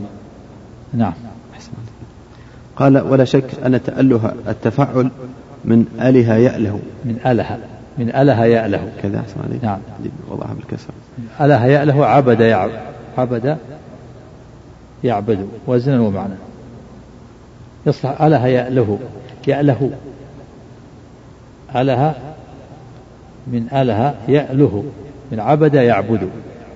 وزنا ومعنى المعنى والوزن واحد. أله نعم. معناها. عبد. وهو وزن. أله يأله. عبد يعبد. نعم ولا شك أن التأله التفاعل من أله يأله. نعم. أله يأله؟ إيه على وزن عبد يعبد نعم. نفس وزنا ومعنى. أله يأله عبد يعبد عبد يعبد وزنا ومعنى. أحسن الله عليك. قال ولا شك أن التأله التفعل من أله يأله وقد جاء منه مصدر يدل على أن العرب قد نطقت منه. قبل ذلك في عبارة النسخة وأن معنى أله إذا, إذا نطق به. عبد الله. وقد جاء من أي نعم قال في نسخة نعم. قال و... قال ولا شك أن التأله التفاعل من أله يأله وأن معنى أله إذا نطق به عبد الله. وقد جاء منه مصدر يدل على أن العرب قد نطقت منه بفعل يفعل بغير زيادة. لا بالكسر وأن معناها أله إذا نطق به نعم وقد جاء منه مصدر. نعم قال وقد جاء منه مصدر يدل على أن العرب قد نطقت منه. إيه؟ بفعل يفعل. عندي بالكسر وضعها. ها؟ بفعل فتح العين. إيه يفعل بغير زيادة. بفعل يفعل. نعم بغير زيادة. نعم بغير زيادة. وذلك ما حدثنا وذلك ما حدثنا به سفيان بن وكيع وساق السند إلى ابن عباس أنه قرأ ويذرك والهتك. وإلهتك وإلهتك ويذرك وعبادتك. وعبادتك. والقراءة قراءة حفص ويذرك وآلهتك. يعني ومعبودك قراءتنا قراءة حفص ويذرك وآلهتك. لكن هذه قراءة ثانية. هذه قراءة ابن عباس ويذرك وإلهتك وعبادتك. يتركك وعبادتك. أما قراءة حفص ويذرك وآلهتك. يعني ومعبودك نعم. الآلهة هنا وإلهتك نعم. أحسن عبادتك. نعم. نعم. قال وساق السند و... وذلك ما حدثنا به سفيان بن وكيع وساق السند إلى ابن عباس أنه قرأ ويذرك وإلهتك. قال عبادتك. ويقول أنه كان يعبد ولا يعبد. وساق بسند آخر عن ابن عباس ويذرك وإلهتك. قال إنما كان فرعون يعبد ولا يعبد وذكر مثله عن مجاهد. ثم قال فقد بين قول ابن عباس ومجاهد هذا أن أله عبد وأن الإلهة مصدره. وساق حديثا عن أبي سعيد رضي الله عنه مرفوعا إن عيسى أسلمته أمه إلى الكتاب ليعلمه. فقال له المعلم اكتب بسم الله. فقال عيسى أتدري ما الله؟ الله إله الآلهة. نعم الكتاب يعني المدرسة. أسلمته أمه إلى الكتاب المدرسة. أول ما يدخل الصبي ثم الكتاتيب المدرسة الأولى. إطلاق المدرسة على الكتاب فيه تجوز. نعم.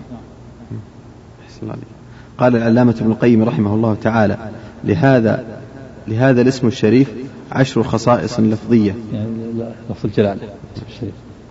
عشر خصائص نعم. نعم. عشر خصائص عشر خصائص لفظية. ثم قال وأما خصائصه المعنوية فقد قال أعلم الخلق به صلى الله عليه وسلم لا أحصي ثناء عليك أنت كما أثنيت على نفسك. وكيف تحصى خصائص اسم لمسماه كل كمال على الإطلاق؟ وكيف تحصي ولا نحصي؟ قال وكيف تحصى. طيب. وفي وفي نسخة في الحاشية قال نحصي. طيب. وكيف؟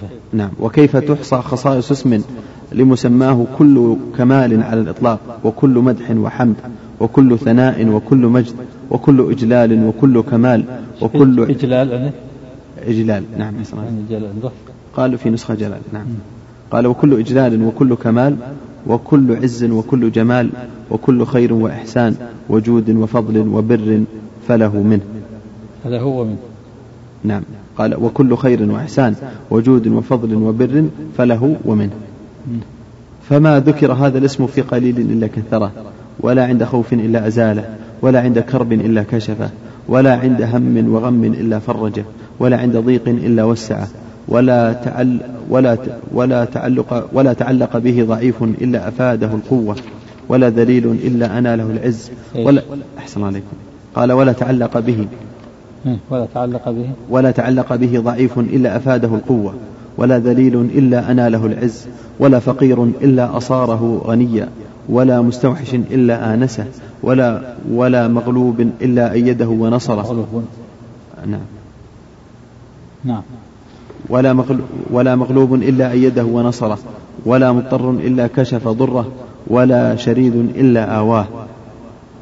فهو الاسم الذي تكشف به الكربات وتستنزل به البركات وتجاب به الدعوات وتقال به العثرات وتستدفع به السيئات وتستجلب به الحسنات. وهو الاسم الذي قامت به السماوات والأرض وبه الأرض والسماوات. نعم قال في نسخة تقديم. نعم. تمشى مع السجنة قال وهو الاسم الذي قامت به الأرض والسماوات وبه أنزلت الكتب وبه أرسلت الرسل وبه شرعت الشرائع. وبه قامت الحدود وبه شرع الجهاد وبه انقسمت الخليقة إلى السعداء والأشقياء وبه حقت الحاقة ووقعت الواقعة وبه وضعت الموازين القسط ونصب الصراط وقام سوق الجنة والنار وبه عبد رب العالمين وبه عبد رب العالمين وحمد وبحقه بعثت الرسل وعنه السؤال في القبر ويوم البعث والنشور وبه الخصام وإليه, وإليه المحاكمة وفيه الموالاة والمعاداة وبه سعد من عرفه وقام بحقه وبه شقي من جهله وترك حقه فهو سر الخلق والأمر وبه قاما وثبتا وإليه انتهيا. فالخلق به وإليه ولأجله فما وجد خلق ولا أمر ولا ثواب ولا عقاب إلا مبتديا منه منتهيا إليه. وذلك وذلك موجبه ومقتضاه. ذلك موجبه ومقتضاه. الفتح صلى نعم فتح الجيم. نعم. الموجب الآثار والثمرة. أما الموجب بالكسر هو السبب والمقتضي. والمراد هنا الثمرة والآثار. حتى لا يكون تكرار. وذلك موجبه نعم. نعم. وذلك موجبه وموجبه ومقتضاه. ربنا ما خلقت هذا باطلا سبحانك فقنا عذاب النار. نعم. إلى آخر كلامه رحمه الله تعالى. المراد المعنى المراد المعنى والعمل. ليس المراد مجرد النطق الله المراد المعنى الإله وأنه الإله هو المستحق العبادة. الله. يعني المراد المعنى وليس المراد مجرد اللفظ. والمراد ضم كلمة التوحيد مع لا إله إلا الله. لا إله إلا الله فمن هذا معبود حق إلا الله.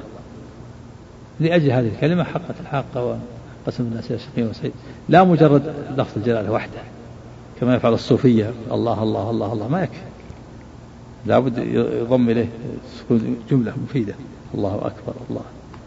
سبحان الله والحمد لله ولا إله إلا الله. والمراد هنا كلمة التوحيد.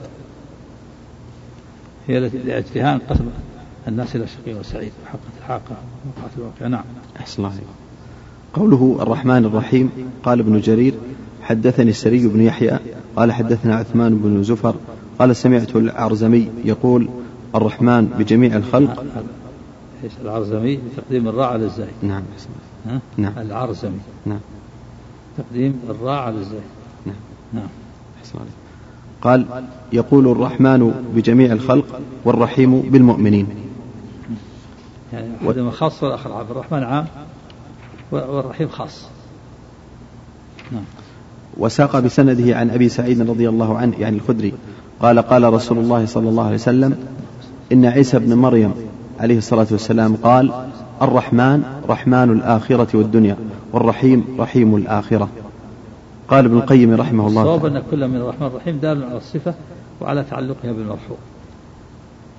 على الصفة وعلى تعلقها بالمرحوم هذه آثارها والأسماء تدل على الصفات لكن بعضها لها آثار تتعلق بالخلق تعلق بالمرحوم وبعضها ليس لها آثار. مثل السواء.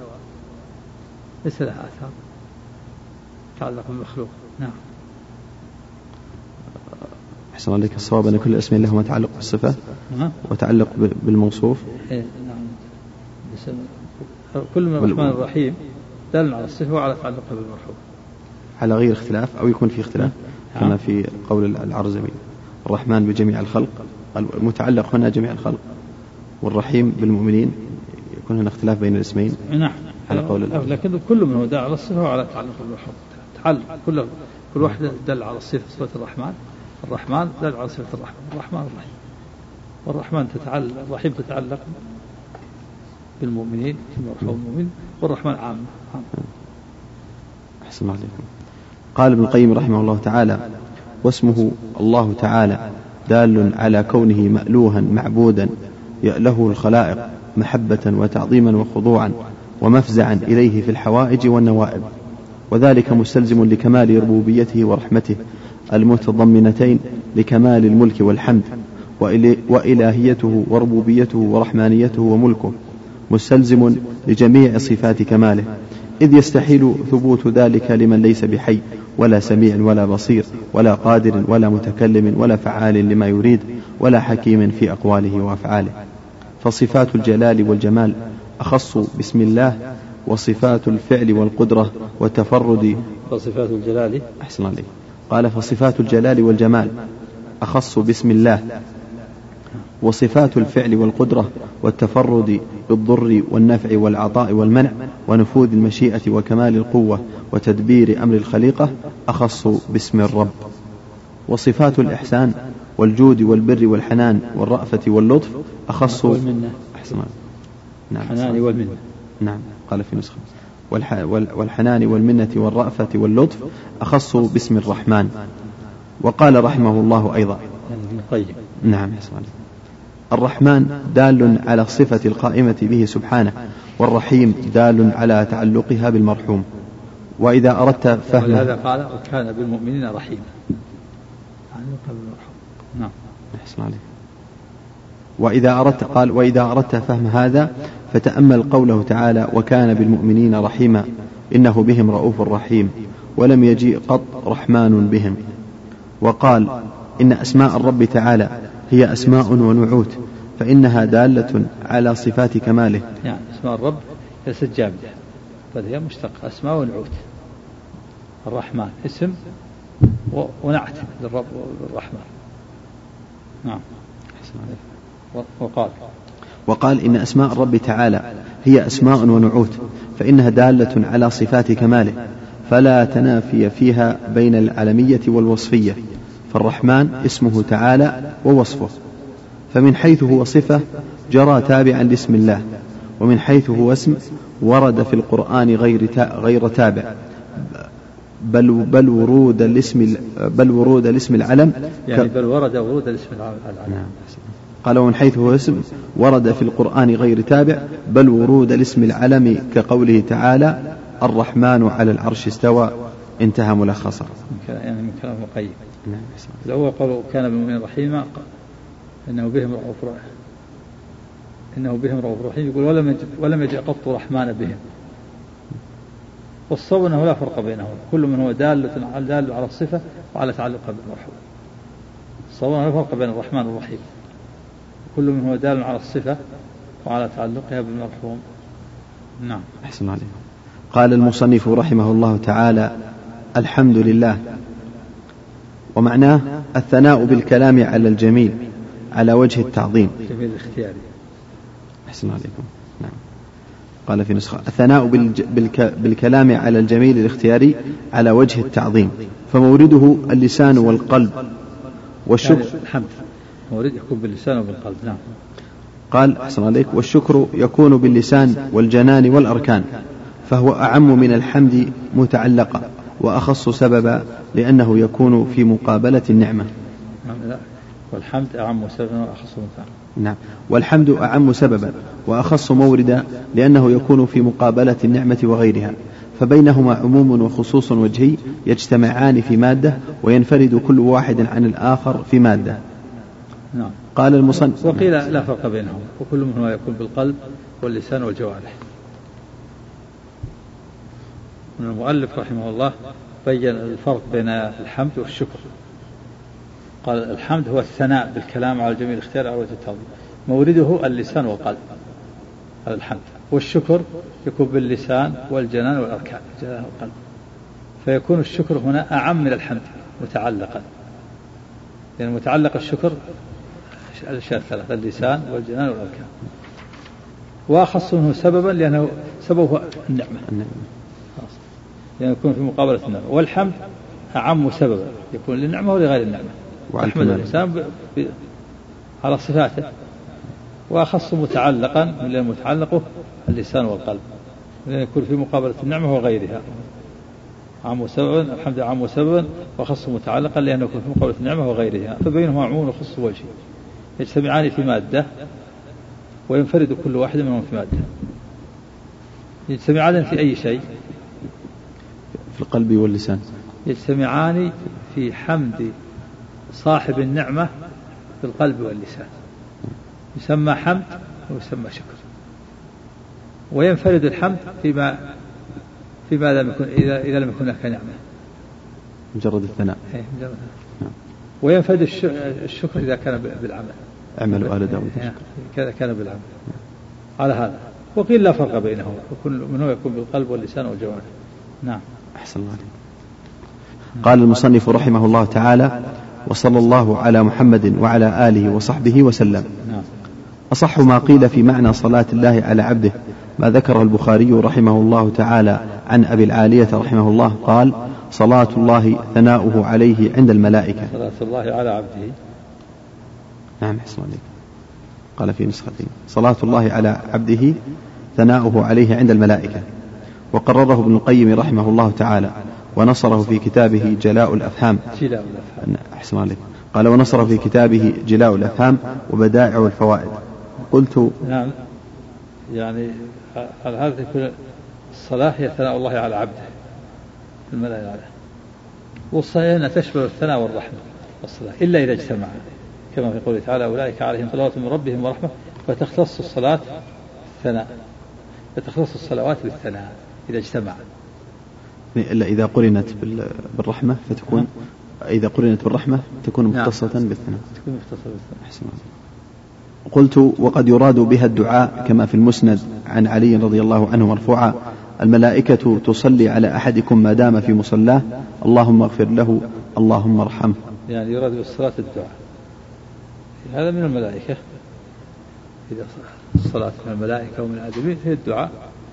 الصلاة من الأدبيين الدعاء الملائكة ومن الله ثناءه عليهم. أحسن عليكم. قوله وعلى آله أي أتباعه على دينه نص عليه الإمام أحمد هنا. وعليه أكثر الأصحاب وعلى هذا فيشمل الصحابة وغيرهم من المؤمنين. قال المص... وعلى هذا فيشمل الصحابة وغيرهم من المؤمنين. آله أتباع على دين. وقيل المراد بآله قرابته المؤمنون. علي وفاطمة والحسن والحسين وعمه العباس وحمزة وعمه حمزة. الزوجات وزوجته نعم تدخل آله. وعلى آله. وعلى هذا إذا عطف والصحابة كذلك يدخلون وعطف إذا عطف الصحابة وعلى آله وأصحابه يكون هذا العطف الخاص على العام. وإذا عطف الآل على الأصحاب يكون العطف العام على الخاص. لكن عند الإطلاق أحسن عليك أو, أو عند الإطلاق نعم. الأولى به نعم. الأتباع أو الأتباع على دين نعم. فإذا صلي بعد ذلك على قرابة على أزواجه وعلى كذا على قرابته وعلى أصحابه يكون تخصيص هذا التأمين. أحسن عليك. نعم. قال قال الشارح قال المصنف رحمه الله تعالى كتاب التوحيد. كتاب مصدر كتب يكتب كتابا وكتابة وكتبا ومدار المادة على الجمع ومنه تكتب بنو فلان إذا اجتمعوا والكتيبة لجماعة الخيل والكتابة بالقلم لاجتماع الكلمات والحروف وسمي الكتاب كتابا لجمعه ما وضع له. نعم. لأن لأنه يجمع علوم متنوعة. وهذا الكتاب كتاب التوحيد للإمام محمد بن الوهاب رحمه الله. قال شيخنا العلامة سمعت الشيخ عبد بن رحمه الله لا نعلم أنه ألف في معناه مثل هذا الكتاب. لا نعلم أنه ألف في معناه مثل هذا الكتاب. موضوع موضوع الكتاب بيان توحيد العبادة بالأدلة وما ينافيه أو ينافي كماله الواجب مع بيان توحيد الربوبية والأسماء والصفات. والتوحيد بالاستقراء نوع ثلاثة توحيد العبادة وتوحيد الألوهية وتوحيد الربوبية وتوحيد الأسماء والصفات. هذا دل عليه الاستقراء والتتبع. نصوص الكتاب والسنة. سبق ذكرنا في في الشرح أن أن أن هذا الكتاب المؤلف في معناه مثله وأن كتاب التوحيد صحيح البخاري موضوعه إثبات الصفات والأسماء. والسبب في ذلك أن البخاري رحمه الله في زمانه وجد أهل البدع الذين ينفون الأسماء والصفات والشيخ الإمام محمد رحمه الله انتشر في زمانه الشرك. وعبادة القبور. ولهذا ألف هذا الكتاب مخصصا لتوحيد العبادة. والبخاري رحمه الله هو في كتاب كتاب التوحيد يسمى كتاب التوحيد والرد على الجهمية انتشار مذهب الجهم. نفس الصفات نفس الصفات نفي الصفات وتعطيل الرب الأسماء والصفات. نعم. أحسن الله عليك. قال والتوحيد نوعان توحيد في المعرفة والإثبات وهو توحيد الربوبية والأسماء والصفات وتوحيد في الطلب والقصد وهو توحيد الإلهية والعبادة. نعم هذا هو الذي ذهب إليه الشيخ الإسلام ابن القيم أن تقسم التوحيد إلى قسمين. توحيد في المعرفة والإثبات وهذا يشمل توحيد الربوبية والأسماء والصفات. وتوحيد في الطلب والقصد هو توحيد الإله توحيد الإلهية والعبادة.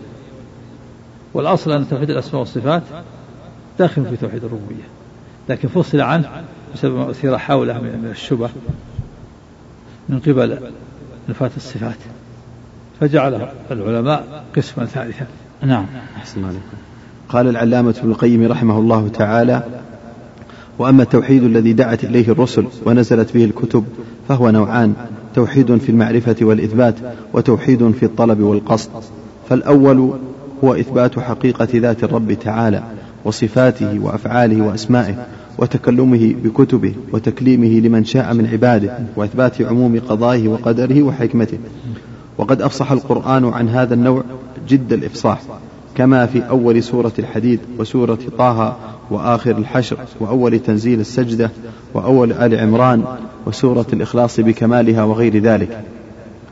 والنوع الثاني ما تضمنته سورة قل يا أيها الكافرون وقوله تعالى قل يا أهل الكتاب تعالوا إلى كلمة سواء بيننا وبينكم. ألا نعبد إلا الله ولا نشرك به شيئا ولا يتخذ بعضنا بعضا أربابا من دون الله. فإن تولوا فقولوا اشهدوا بأننا مسلمون. وأول سورة تنزيل الكتاب وآخرها. وأول سورة المؤمن ووسطها وآخرها. وأول سورة الأعراف وآخرها. وجملة سورة الأنعام. وغالب سور القرآن. بل كل سورة في القرآن فهي متضمنة لنوعي التوحيد شاهدة به داعية إليه. فإن القرآن إما خبر عن الله تعالى وأسمائه وصفاته وأفعاله وأقواله فهو توحيد العل فهو توحيد العلمي الخبري.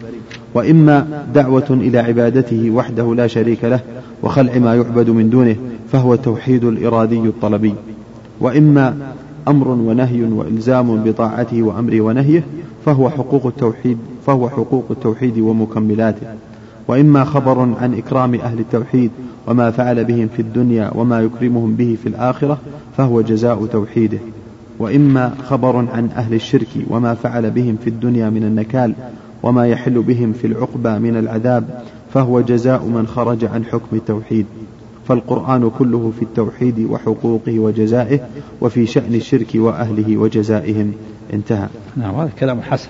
هذا القرآن كله في التوحيد وحقوقه وجزائه وفي شأن الشرك وأهله وجزائه. نعم.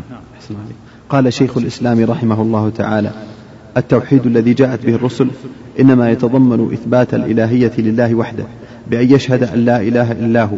لا ي... لا يعني يشهد قال بأن يشهد أن لا إله إلا الله. لا يعبد إلا إياه ولا يتوكل لا يعبد. نعم أحسن عليك. لا يعبد إلا إياه ولا يتوكل ولا يتوكل إلا عليه ولا يوا يوالى إلا له ولا يعاد إلا فيه ولا يعمل إلا لأجله. وذلك يتضمن إثبات ما أثبته لنفسه من الأسماء والصفات. قال تعالى وإلهكم إله واحد لا إله إلا هو الرحمن الرحيم. وقال تعالى لا تتخذوا إلهين اثنين إنما هو إله واحد فإياي فارهبون. وقال تعالى ومن يدع مع الله إلها آخر لا برهان له به فإنما حسابه عند ربه إنه لا يفلح الكافرون. وقال تعالى واسأل من أرسلنا من قبلك من رسلنا أجعلنا من دون الرحمن آلهة يعبدون. وأخبر عن كل نبي من الأنبياء. أنهم دعوا الناس إلى عبادة الله وحده لا شريك له وقال قد كانت لكم أسوة حسنة في إبراهيم والذين معه إذ قالوا لقومهم إنا براء منكم ومما تعبدون من دون الله كفرنا بكم وبدا بيننا وبينكم العداوة والبغضاء أبدا حتى تؤمنوا بالله وحده. وقال عن المشركين إنهم كانوا إذا قيل لهم لا إله إلا الله يستكبرون ويقولون إنا لتاركوا آلهتنا لشاعر مجنون. وهذا في القرآن كثير. وليس المراد بالتوحيد مجرد توحيد الربوبية وهو اعتقاد أن الله وحده خلق العالم كما يظن ذلك من يظنه من أهل الكلام والتصوف ويظن هؤلاء أنهم إذا أثبتوا ذلك بالدليل فقد أثبتوا غاية التوحيد. يعني يعني يقتصرون على توحيد الربوبية. بعض أهل الكلام بعض التصوف يقولون المراد بالتوحيد مجرد توحيد الربوبية ويفسرون الإله بكلمة لا إله إلا الله يقول لا لا خالق إلا الله أو لا قادر على الاختراع إلا الله. ويظنون أنهم إذا أثبتوا ذلك بالدليل فقد أثبتوا غاية التوحيد. غاية التوحيد عندهم إثبات توحيد الربوبية وهذا من جهلهم نعم. ويظن ويظن, نعم. ويظن هؤلاء أنهم إذا أثبتوا ذلك بدليل فقد أثبتوا غاية التوحيد وأنهم إذا شهدوا وأنهم إذا شهدوا هذا وفنوا فيه فقد فنوا في غاية التوحيد. فإن الرجل لو أقر بما يستحقه الرب تعالى من الصفات ونزهه عن كل ما يتنزه أو ينزه عنه وأقر بأنه وحده خالق كل شيء لم يكن موحدا حتى يشهد أن لا إله إلا الله. فيقر بأن الله وحده هو الإله المستحق للعبادة ويلتزم بعبادة الله وحده لا شريك له. والإله هو المألوه المعبود الذي يستحق العبادة وليس هو الإله بمعنى القادر على الخلق. فإذا فسر المفسر الإله بمعنى القادر على الاختراع. نعم كما يفسر بعض أهل الكلام بعض التصوف نعم. قال وأعتقد أن هذا أن هذا المعنى. هو أخص وصف الإله وجعل إثبات هذا هو الغاية في التوحيد كما يفعل ذلك من يفعله من متكلمة الصفاتية وهو الذي يقولونه عن أبي الحسن وأتباعه. الحسن الأشعري وأتباعه أنه يقول لا إله إلا الله يعني يفسرون لا قادر ولا خالق إلا الله نعم. أحسن عليك. قال وهو الذي يقولونه عن أبي الحسن وأتباعه. لم يعرف حقيقة التوحيد الذي بعث الله به رسوله صلى الله عليه وسلم. فإن مشرك العرب كانوا مقرين بأن الله وحده خالق كل شيء وكانوا مع هذا مشركين. قال تعالى وما يؤمن أكثرهم بالله إلا وهم مشركون. قال طائفة من السلف تسألهم من خلق السماوات والأرض فيقولون الله وهم مع هذا يعبدون غيره. قال تعالى قل لمن الأرض ومن فيها إن كنتم تعلمون. سيقولون لله قل أفلا تذكرون؟ قل من رب السماوات السبع ورب العرش العظيم؟ سيقولون لله قل أفلا تتقون؟ قل من بيده ملكوت كل شيء وهو يجير ولا يجار عليه إن كنتم تعلمون. سيقولون لله قل فأنا تسحرون. فليس كل من أقر بأن الله تعالى رب كل شيء وخالقه. يكون عابدا له دون ما سواه داعيا له دون ما سواه راجيا له خائفا منه دون ما سواه يوالي فيه ويعادي فيه ويطيع رسله ويأمر بما أمر به وينهى عما نهى عنه. وعامة المشركين أقروا بأن الله خالق كل شيء وأثبتوا الشفعاء الذين يشركونهم به وجعلوا له أندادا. قال تعالى أم اتخذوا من دون الله شفعاء؟ قل أولو كانوا لا يملكون شيئا ولا يعقلون؟ قل لله الشفاعة جميعا. وقال تعالى ويعبدون من دون الله ما لا يضرهم وما ويعبدون من دون الله ما لا يضرهم ولا ينفعهم. ويقولون هؤلاء شفعاؤنا عند الله إلى قوله سبحانه وتعالى عما يشركون. ذكر الله يقول أتنبئون الله بما لا يعلم في السماوات ولا في الأرض سبحانه وتعالى عما يشركون. نعم. نعم وقال تعالى ولقد جئتمونا فرادا كما خلقناكم أول مرة كما خلقناكم أول مرة وتركتم ما خولناكم وراء ظهوركم وما نرى معكم شفعاءكم الذين زعمتم أنهم فيكم شركاء لقد تقطع بينكم وضل عنكم ما كنتم تزعمون وقال تعالى ومن الناس من يتخذ من دون الله أندادا يحبونهم كحب الله ولهذا كان من أتباع هؤلاء من يسجد للشمس والقمر والكواكب ويدعوها. ولهذا كان من هؤلاء قال ولهذا كان من ولهذا كان من أتباع هؤلاء من يسجد للشمس والقمر والكواكب ويدعوها ويصوم وينسك لها ويتقرب إليها ثم يقول إن هذا ليس بشرك إنما الشرك إذا اعتقدت أنها المدبرة لي. فإذا جعلتها سببا فإذا جعلتها سببا وواسطة لم أكن مشركا. ومن المعلوم بالاضطرار من دين الإسلام أن هذا شرك. انتهى كلامه رحمه الله تعالى. هذا كلام شيخ الإسلام. نعم. نعم في مجموع الفتاوى. هؤلاء يقول من يسجد للشمس والقمر والكواكب ويدعوها ويصوم وينسك لها. ويتقرب إليها يعني يذبح لها الذبائح ويصنع الأطعمة. كما فعل الحج في بيت الله من المناسك ثم يقول إن هذا ليس بشرك. سبحان الله. وإنما الشرك إذا اعتقدت أنها هي المدبرة. يعني الشرك يعني خاص بتوحيد الربوبية. فإذا جعلتها سببا وواسطة لم أكن مشركا. يقول الشيخ ومن المعلوم بالاضطرار من دين الإسلام أن هذا شرك. نعم. قال ومن المعلوم بالاضطرار من دين الإسلام نعم. أن هذا شرك. انتهى كلامه رحمه الله تعالى. قال المصنف رحمه الله تعالى وقول الله تعالى وما خلقت الجن والإنس إلا ليعبدون بالجر عطف على التوحيد ويجوز الرفع على الابتداء. قال التوحيد وقول الله تعالى. وقولي نعم. كتاب التوحيد وقول الله تعالى ويجوز رفع الابتداء وقوله نعم. قال بالجر عطف على التوحيد ويجوز الرفع على الابتداء.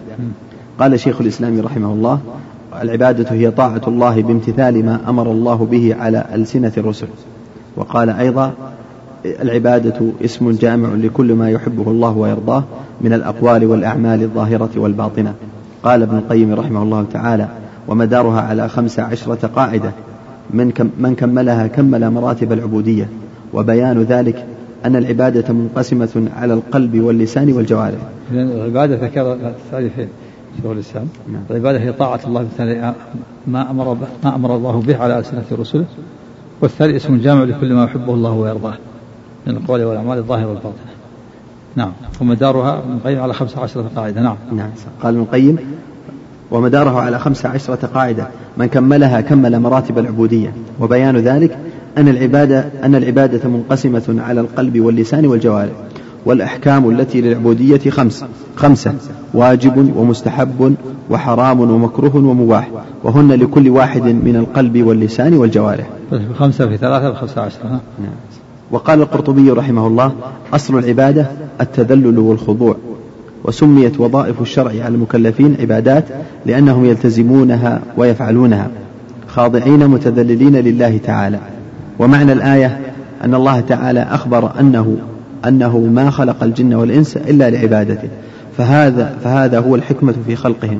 قلت وهي الحكمة الشرعية الدينية. نعم وهناك حكم أخرى منها ابتلاء الناس أيهم أحسن عملا. كما قال الله تعالى الذي خلق الموت والحياة ليبلوكم أيكم أحسن عملا.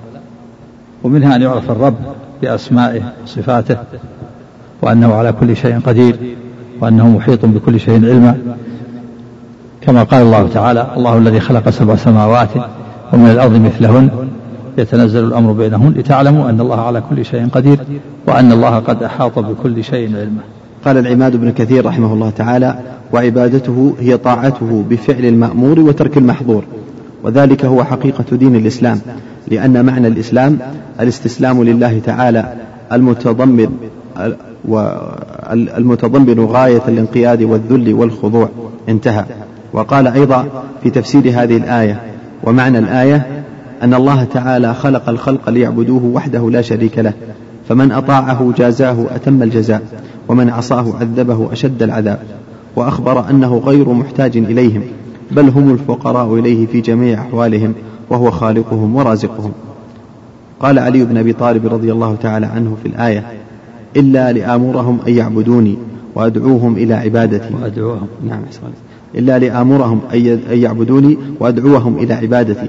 وقال مجاهد إلا لآمرهم وأنهاهم اختاره الزجاج وشيخ الإسلام.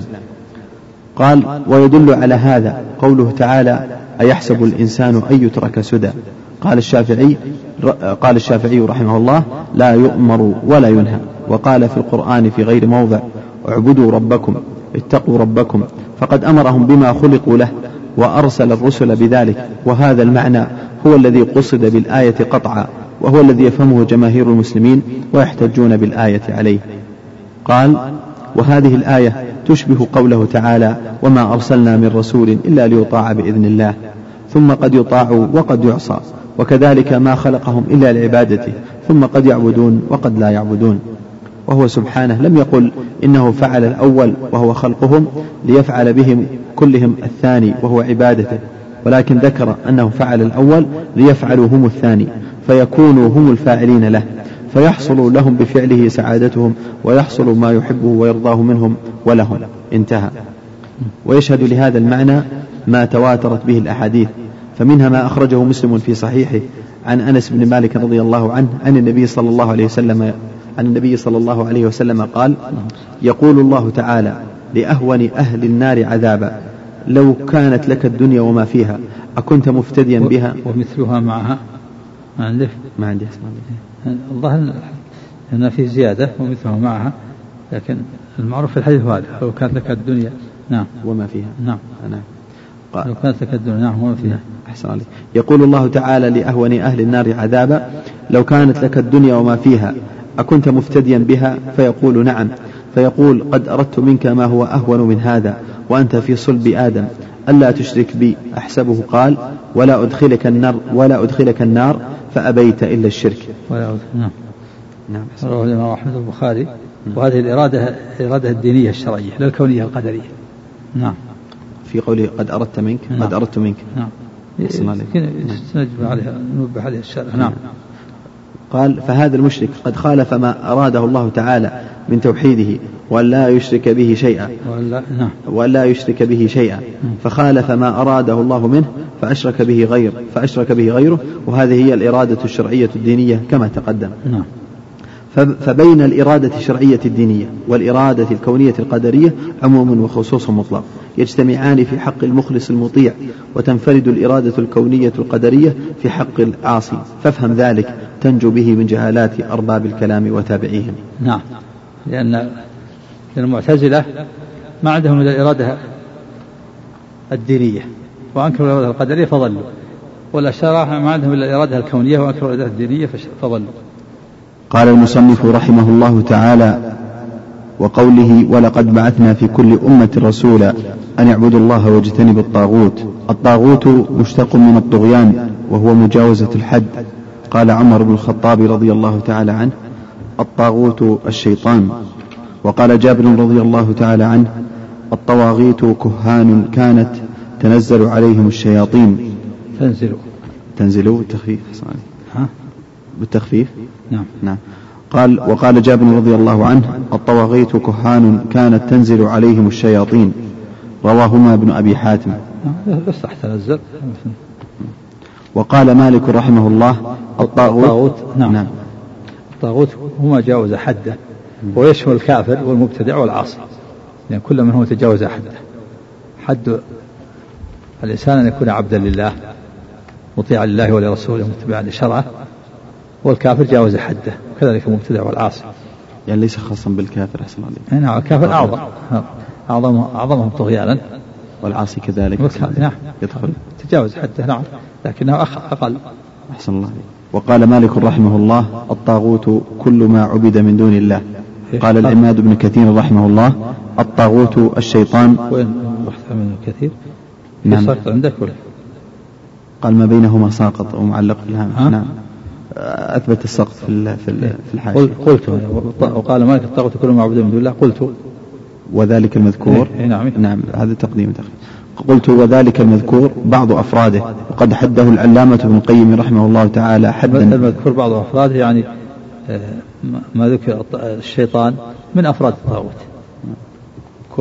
والكاهن من أفراد الطاغوت لكن تعريف ابن القيم للطاغوت أشمل هذا هو عادة السلف أنهم يفسرون الشيء ببعض أفراده. فالشيطان هذا فرد من أفراد الطواغيت وليس وكذلك وليس كل الطواغيت. وكذلك أيضا الكاهن فرد من أفراده والطاغوت أعم من ذلك.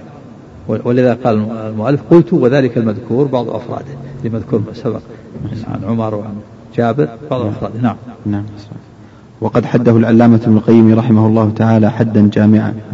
الطاغوت فقال. فقال. فقال. نعم.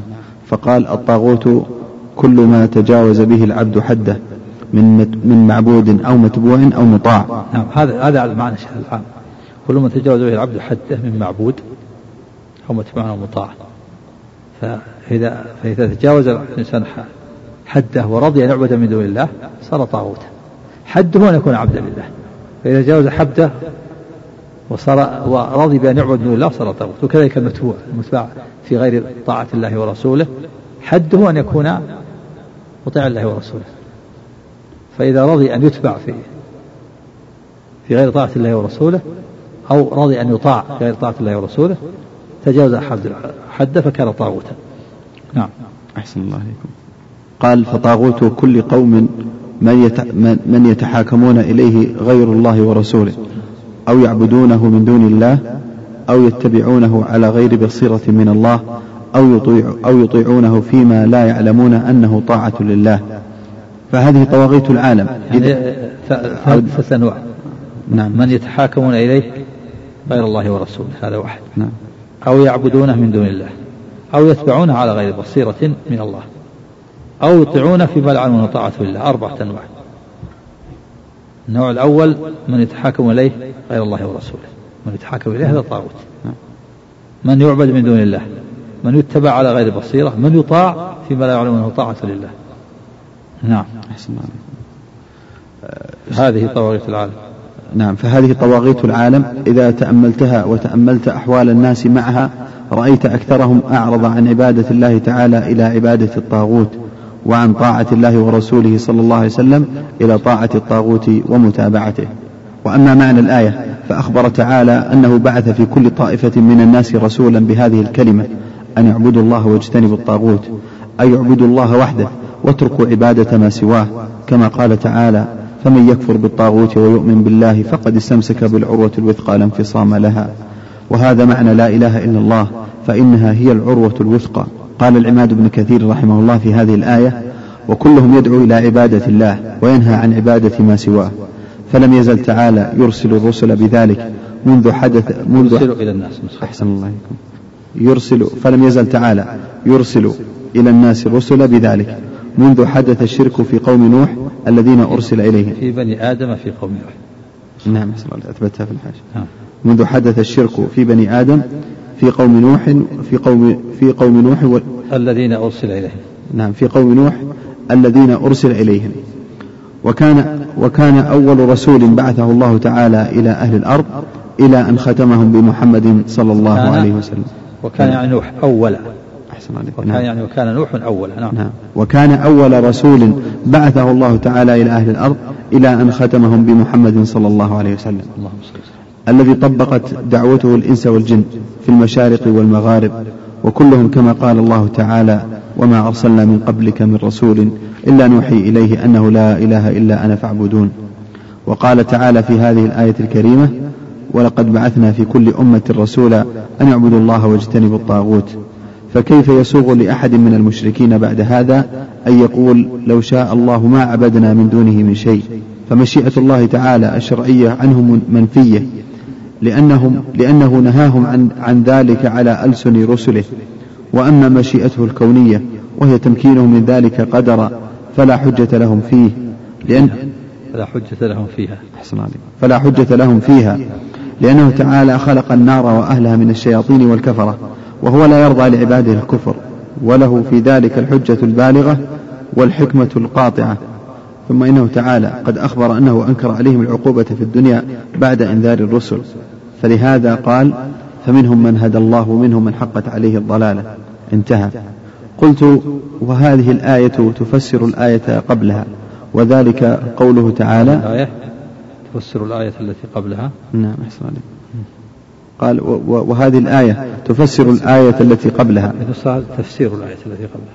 تفسير. نعم قال تفسير. تفسر ها؟ أثبتها في الحاشية. أنك تفسر؟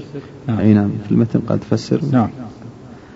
وذلك قوله تعالى فمنهم من هدى الله ومنهم من حقت عليه الضلالة فتدبر. ودلت هذه الآية على أن الحكمة ما هي الآية التي قبلها؟ وقال الذين أشركوا لو شاء الله ما أشركنا. ولا آباؤنا ولا حرمنا من شيء كذلك كذا الذين حتى هذا قبل ولا عندكم لا أشركنا ولا ولا حرمنا من شيء كذلك فعل الذين من قبلهم. قال على الرسول إلا بلغوا تفسقون لو شاء الله ما أشركنا ولا آباؤنا نعم. قال الله فمنهم من هدى الله ومنهم من حقت عليه الضلالة. نعم. ودلت هذه الآية على أن الحكمة في إرسال الرسل دعوتهم أممهم إلى عبادة الله وحده والنهي عن عبادة ما سواه وأن هذا هو دين الأنبياء والمرسلين. وإن اختلفت شريعتهم كما قال تعالى لكل جعلنا منكم شرعة ومنهاجا وأنه لا بد في الإيمان من العمل من القلب والجوارح. نعم من القلب والجوارح. نعم. فدين الأنبياء جميعا عبادة الله وتوحيده تعظيم الأوامر والنواهي وطاعة الأنبياء والرسل في كل زمان طاعة كل نبي في زمانه. هذا هو دين الأنبياء جميعا. الإيمان التوحيد وطاعة كل نبي في زمانه. وأما الشرائع فإنها تختلف. والإيمان لابد فيه من عمل القلب وعمل الجوارح مع إقرار اللسان وتصديق القلب. نعم. أحسن الله عليكم.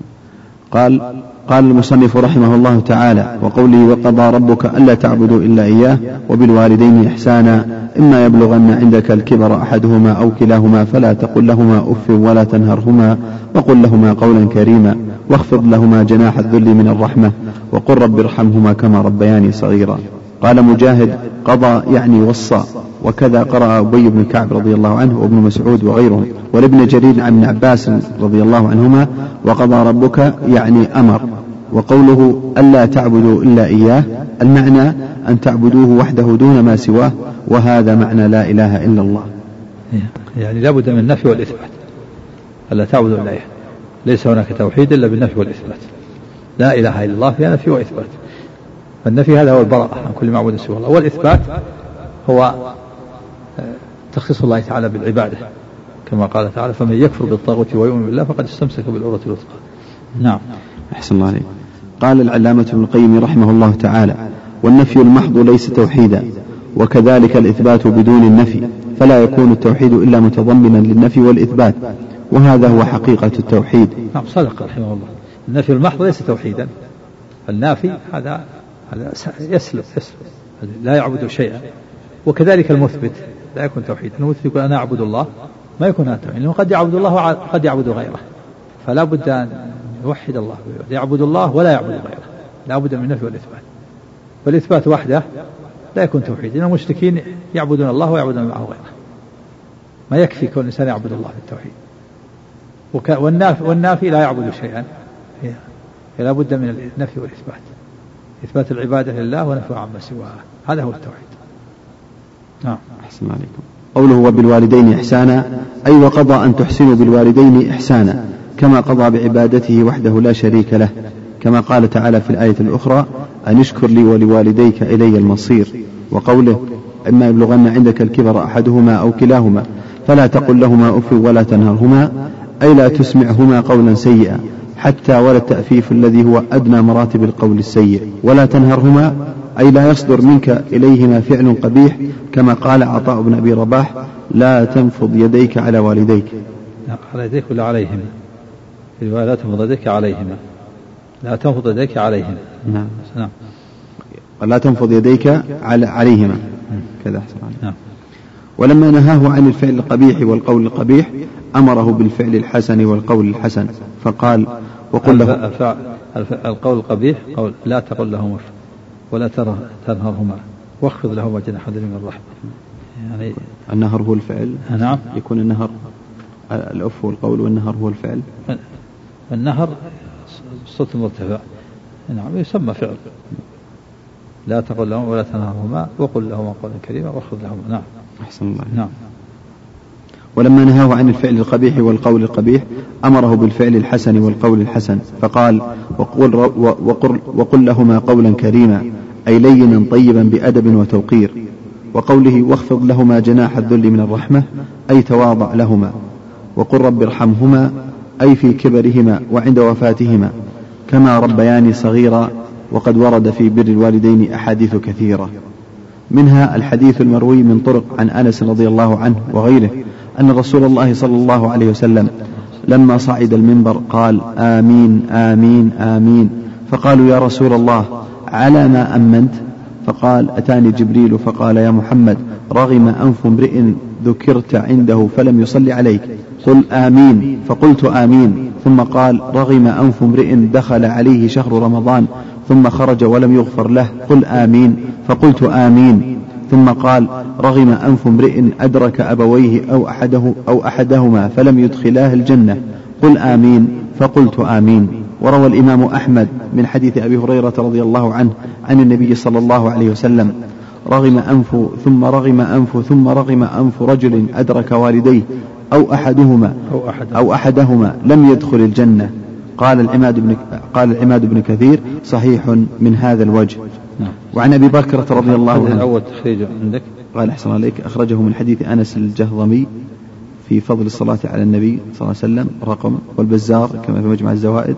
والفريابي وابو بكر الشافعي كما في جلال الافهام وفيه سلمة وفيه سلمة من وردان قال ابن القيم وسلمة هذا لين الحديث وقد تكلم فيه وليس ممن يطرح حديثه ولا سيما حديث له شواهد وهو معروف من حديث من حديث غيره وأخرجه الحاكم في المستدرك وصححه ووافقه الذهبي والفسوي في المعرفة والطبراني في المعجم الكبير من حديث كعب بن عجرة وأخرجه البخاري في الأدب المفرد من حديث جابر بن عبد الله وأخرجه الجهضمي في فضل الصلاة على النبي صلى الله عليه وسلم والبخاري في الأدب المفرد وابن منيع في مسنده وابن خزيمة وأبو يعلى كما في المطالب العلية من حديث أبي هريرة رضي الله عنه. لا كذا أحمد حامد فقيه خرج هذا. قال أخرجه عن أنس بن أبي شيبة والبزار في مسندهما من طريق سلمة بن وردان عنه وسلمة ضعيف رواه الحاكم في المستدرك وقال صحيح الإسناد وابن حبان في ثقاته وصحيحه والطبراني في الكبير والبخاري في بر الوالدين والبهقي في شعب الإيمان والضياء المقدس في المختار كلهم عن كعب بن عجرة ورجاله ثقات. وأخرجه ابن حبان في الصحيح والثقات والطبراني ورجاله ثقات عن مالك بن حويرث. ورواه البخاري في الأدب المفرد والطبراني في تهذيبه والدار قطني في الأفراد. وأشار إليه الترمذي وأخرجه النسائي وابن السني في اليوم والليلة. والضياء المقدس في المختار كلهم عن جابر بن عبد الله. وأخرجه البزار والطبراني عن عمار بن ياسر. وأخرجه البزار عن ابن مسعود وأخرجه الطبراني عن ابن عباس وأبي ذر وأخرجه ابن خزيمة وابن حبان في صحيحه عن أبي هريرة وهو عند البيهقي في الدعوات مختصرا وعند الترمذي وأحمد وقال الترمذي حسن وغريب وأخرجه الدرقطني في الأفراد والبزار في المسند والطبراني في الكبير عن جابر بن سمرة وأخرجه البزار والطبراني وابن أبي عاصم عن عبد الله بن الحارث بن جز الزبيدي. ستخرج أكثر تخرج نعم. نعم. قال وعن أبي بكرة رضي الله عنه قال قال رسول الله صلى الله عليه وسلم ألا أنبئكم بأكبر الكبائر؟ قلنا بلى يا رسول الله. قال الإشراك بالله وعقوق الوالدين وكان متكئا فجلس. فقال ألا وقول الزور ألا وشهادة الزور فما, فما زال يكررها حتى قلنا ليته سكت. رواه البخاري ومسلم. وعن عبد الله بن عمرو رضي الله تعالى عنهما قال قال رسول الله صلى الله عليه وسلم رضا الرب في رضا الوالدين. وسخطه في سخط الوالدين. رواه الترمذي وصححه ابن حبان والحاكم. وعن أبي أسيد الساعدي رضي الله عنه قال بينما نحن جلوس عند النبي صلى الله عليه وسلم إذ جاء رجل من بني سلمة فقال يا رسول الله هل بقي من بر أبوي شيء أبرهما به أبرهما به بعد موتهما؟ موحدة من بر يبر. بفتحة يفتح. نعم نعم. أبرهما به بعد موتهما فقال نعم الصلاة عليهما والاستغفار لهما وإنفاذ عهدهما من بعدهما وصلة الرحم التي لا توصل إلا بهما وإكرام صديقهما. رواه أبو داود وابن ماجه والأحاديث في هذا المعنى كثيرة جدا. إنفاذ عهدهما يعني أي وصيتهم فهذه أمور خمسة. بقيت من بر الولد لوالده بعد موته. الصلاة عليهما يعني الدعاء الدعاء والاستغفار لهما وإنفاذ عهدهما من بعدهما وصلة الرحم التي لا تصل إلا بهما وإكرام صديقهما خمسة أشياء. وكذلك وكذلك الصدقة عنهما كذلك أيضا. والحج والعمرة عنهما. وفي الباب قصة عبد الله بن عمر لما لقي أعرابيا وأعطاه حمارا يركبه وعمامة كان يشد بها رأسه وقال إن إن أباه كان ودا لعمر. عمر لقي أعرابي نزل على الحمار وأعطاه إياه. قال اركب هذا الحمار وأعطاه عمار قال شد بها رأسك. فقيل له يرحمك الله هم الأعراب يكفيهم الشيء اليسير. فقال إن هذا إن أبا هذا كان ودا لعمر. نعم. يعني هذا بر ابن الصديق. نعم. هذا يبره لأن أباه كان إيش؟ كان صديقا لعمر ودا لعمر. يحبهم ويوده نعم. أحسن عليكم. قال قال المصنف رحمه الله تعالى وقوله واعبدوا الله ولا تشركوا به شيئا قال العماد بن كثير رحمه الله تعالى في هذه الآية يأمر تعالى عباده بعبادته وحده لا شريك له فإنه الخالق الرازق المنعم المتفضل على خلقه في جميع الحالات وهو المستحق منهم أن يوحدوه ولا يشركوا به شيئا من مخلوقاته. انتهى. وهذه الآية هي الآية التي تسمى آية الحقوق العشرة. وفي بعض النسخ المعتمدة من نسخ هذا الكتاب تقديم هذه الآية على آية الأنعام. ولهذا قدمتها لمناسبة كلام ابن مسعود رضي الله عنه الآتي لآية الأنعام ليكون ذكره بعدها أنسب. قال المصنف رحمه الله تعالى وقوله قل تعالوا أتل ما حرم ربكم عليكم ألا تشركوا به شيئا وبالوالدين إحسانا. ولا تقتلوا أولادكم من إملاق نحن نرزقكم وإياهم. ولا تقربوا الفواحش ما ظهر منها وما بطن. ولا تقتلوا النفس التي حرم الله إلا بالحق. ذلكم وصاكم به لعلكم تعقلون. ولا تقربوا مال اليتيم إلا بالتي هي أحسن حتى يبلغ أشده. وأوفوا الكيل والميزان بالقسط. لا نكلف نفسا إلا وسعها. وإذا قلتم فاعدلوا ولو كان ذا قربى. وبعهد الله أوفوا. ذلكم وصاكم به لعلكم تذكرون وأن هذا صراطي مستقيما فاتبعوه ولا تتبعوا السبل فتفرق بكم عن سبيله.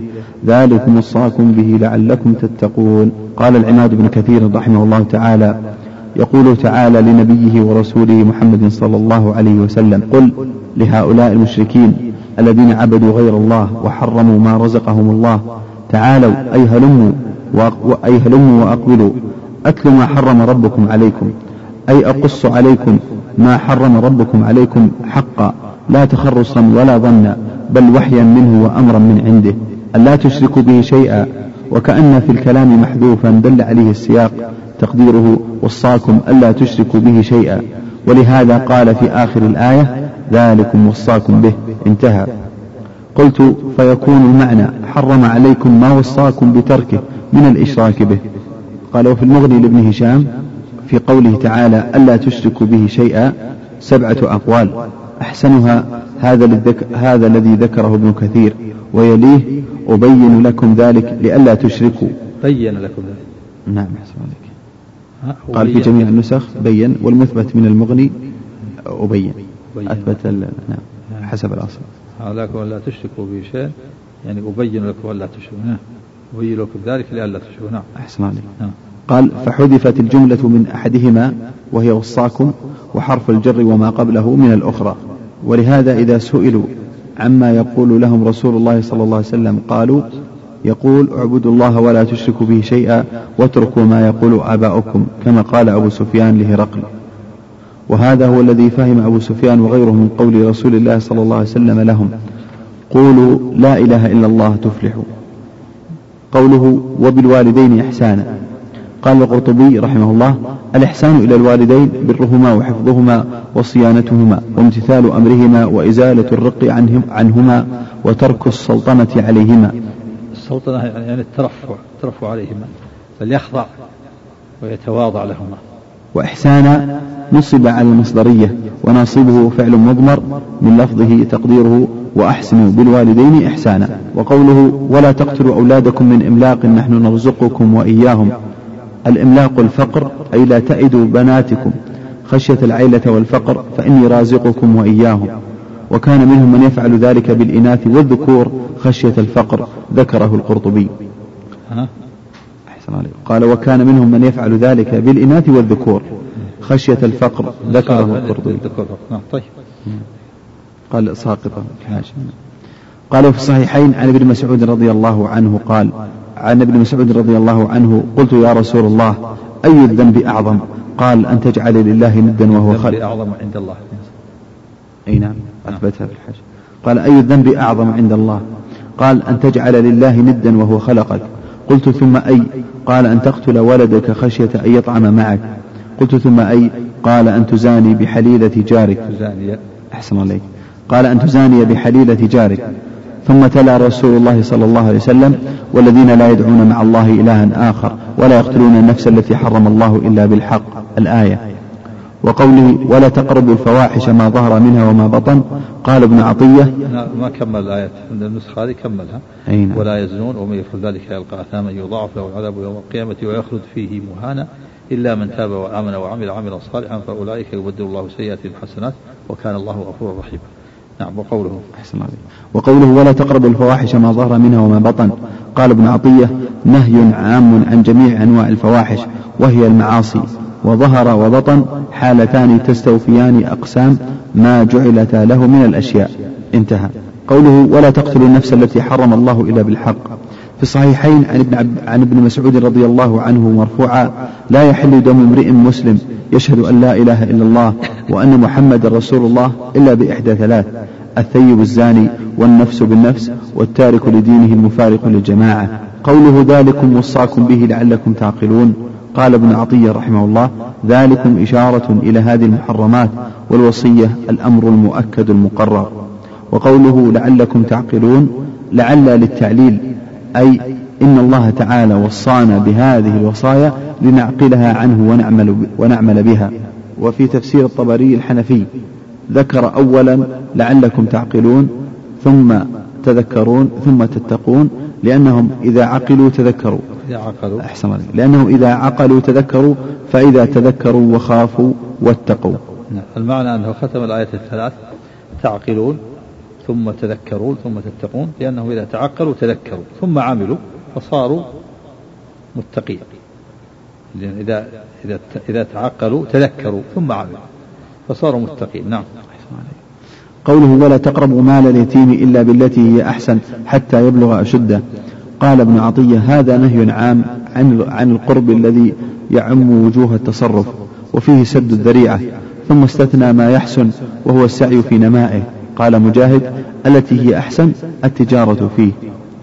وقوله حتى يبلغ أشده قال مالك رحمه الله وغيره هو الرشد وزوال السفة مع البلوغ. روي نحو هذا عن زيد بن أسلم والشعبي وربيعة وغيرهم. قوله وأوفوا الكيل والميزان بالقسط. قال ابن كثير رحمه الله يأمر تعالى بإقامة العدل في الأخذ والإعطاء. لا نكلف نفسا إلا وسعها أي من اجتهد بأداء الحق وأخذه وأخذه فإن أخطأ بعد استفراغ وسعه وبذل جهده فلا حرج عليه.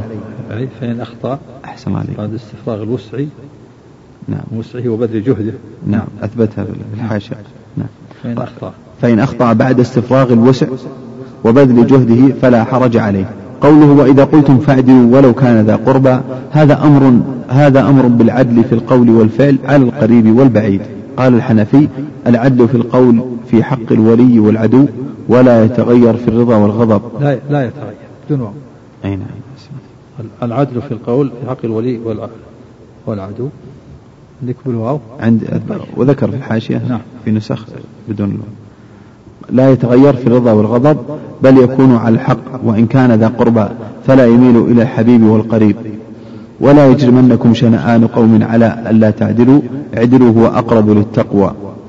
قوله وبعهد الله أوفوا قال ابن جرير رحمه الله وبوصية الله تعالى التي وصاكم بها فأوفوا وانقادوا لذلك بأن تطيعوه فيما أمركم به ونهاكم عنه وتعملوا بكتابه وسنة رسوله صلى الله عليه وسلم. وذلك هو الوفاء بعهد الله. كما وانقادوا لذلك؟ أحسن عليكم. وانقادوا؟ نعم وانقادوا لذلك. قال في نسخة. وإيفاء ذلك. وإيفاء ذلك. نعم بأن تطيعوه. نعم. بأن تطيعوه فيما أمركم به ونهاكم عنه وتعملوا بكتابه وسنة رسوله صلى الله عليه وسلم وذلك هو الوفاء بعهد الله وكذا قال غيره. قوله ذلكم وصاكم به لعلكم تذكرون أي تتعظون وتنتهون عما كنتم فيه. قوله وأن هذا صراطي مستقيما فاتبعوه ولا تتبعوا السبل فتفرق بكم عن سبيله. قال القرطبي رحمه الله هذه آية عظيمة عطفها على ما تقدم فإنه لما نهى وأمر حذر عن اتباع غير سبيله على ما بينته الأحاديث الصحيحة فإنه نهى وأمر وحذر نعم أحسن قال في ساقطة من الأصل طيب. وفي ثلاث نسخ لما أضاف طيب. لما نعم فإنه نهى وأمر فإنه إيش؟ أضاف أحسن عليك لما جعل بين معقوفتين طيب طيب. نعم فإنه فإنه لما نهى وأمر نعم. حذر عن اتباع غير سبيله. طيب. على ما بينته الأحاديث الصحيحة وأقاويل السلف. نعم. وأن في موضع نصب قال أي وأتلو أن هذا صراطي مست... وأتلو أن هذا صراطي عن الفراء والكسائي. قال الفراء ويجوز أن يكون خفضا أي وصاكم به وبأن هذا صراطي. قال والصراط الطريق الذي هو دين الإسلام. نعم. الصراط المستقيم هو دين الإسلام. نعم. مستقيما نصب على الحال ومعناه مستويا قويما لا لا اعوجاج فيه. قويما. نعم أثبت قويما وذكر في الحاشية. قيما فأمر باتباع طريقه الذي طرقه كذا؟ تشديد. طرق طرق. طرقه على لسان محمد صلى الله عليه وسلم وشرعه ونهايته الجنة. وتشعبت منه طرق فمن سلك طرقه يعني شرع المعنى أحسن. عليك. طيب الذي طرق وشرع نعم. ونهايته الجنة. نعم. أحسن الله عليكم. وتشعبت منه طرق فمن سلك الجادة نجا ومن خرج إلى تلك الطرق أفضت به إلى النار. قال الله تعالى ولا تتبعوا السبل فتفرق بكم عن سبيله. أي تميل انتهى. وروى أحمد والنسائي والدارمي وابن أبي حاتم والحاكم وصححه. ورواه محمد بن النصر المروزي في كتاب الاعتصام. بسند صحيح عن ابن مسعود رضي الله عنه قال خط رسول الله صلى الله عليه وسلم خطا بيده ثم قال هذا سبيل الله مستقيما. ثم خط خطوطا عن يمين ذلك الخط وعن شماله ثم قال وهذه السبل ليس منها سبيل إلا وعليه شيطان يدعو إليه. ثم قرأ وأن هذا صراطي مستقيما فاتبعوه ولا تتبعوا السبل فتفرق بكم عن سبيله. وعن مجاهد ولا تتبعوا السبل قال البدع والشبهات. قال العلامة ابن القيم رحمه الله تعالى ولنذكر في الصراط المستقيم قولا وجيزا فإن الناس قد تنوعت عباراتهم عنه بحسب صفاته ومتعلقاته وحقيقته شيء واحد وهو طريق الله الذي نصبه لعباده موصلا لهم إليه ولا طريق إليه سواه بل الطرق كلها مسدودة على الخلق إلا طريقة إلا طريقه الذي نصبه على ألسن رسله وجعل وجعله موصلا لعباده إليه وهو إفراده بالعبودية وإفراد رسوله بالطاعة فلا يشرك به أح فلا يشرك به أحدا في عبوديته ولا وإفراد رسله النسخة ذكر رسوله. نعم أحسن عليك. قالوا وإفراد أرسله. نعم طيب الله. ينصره نعم.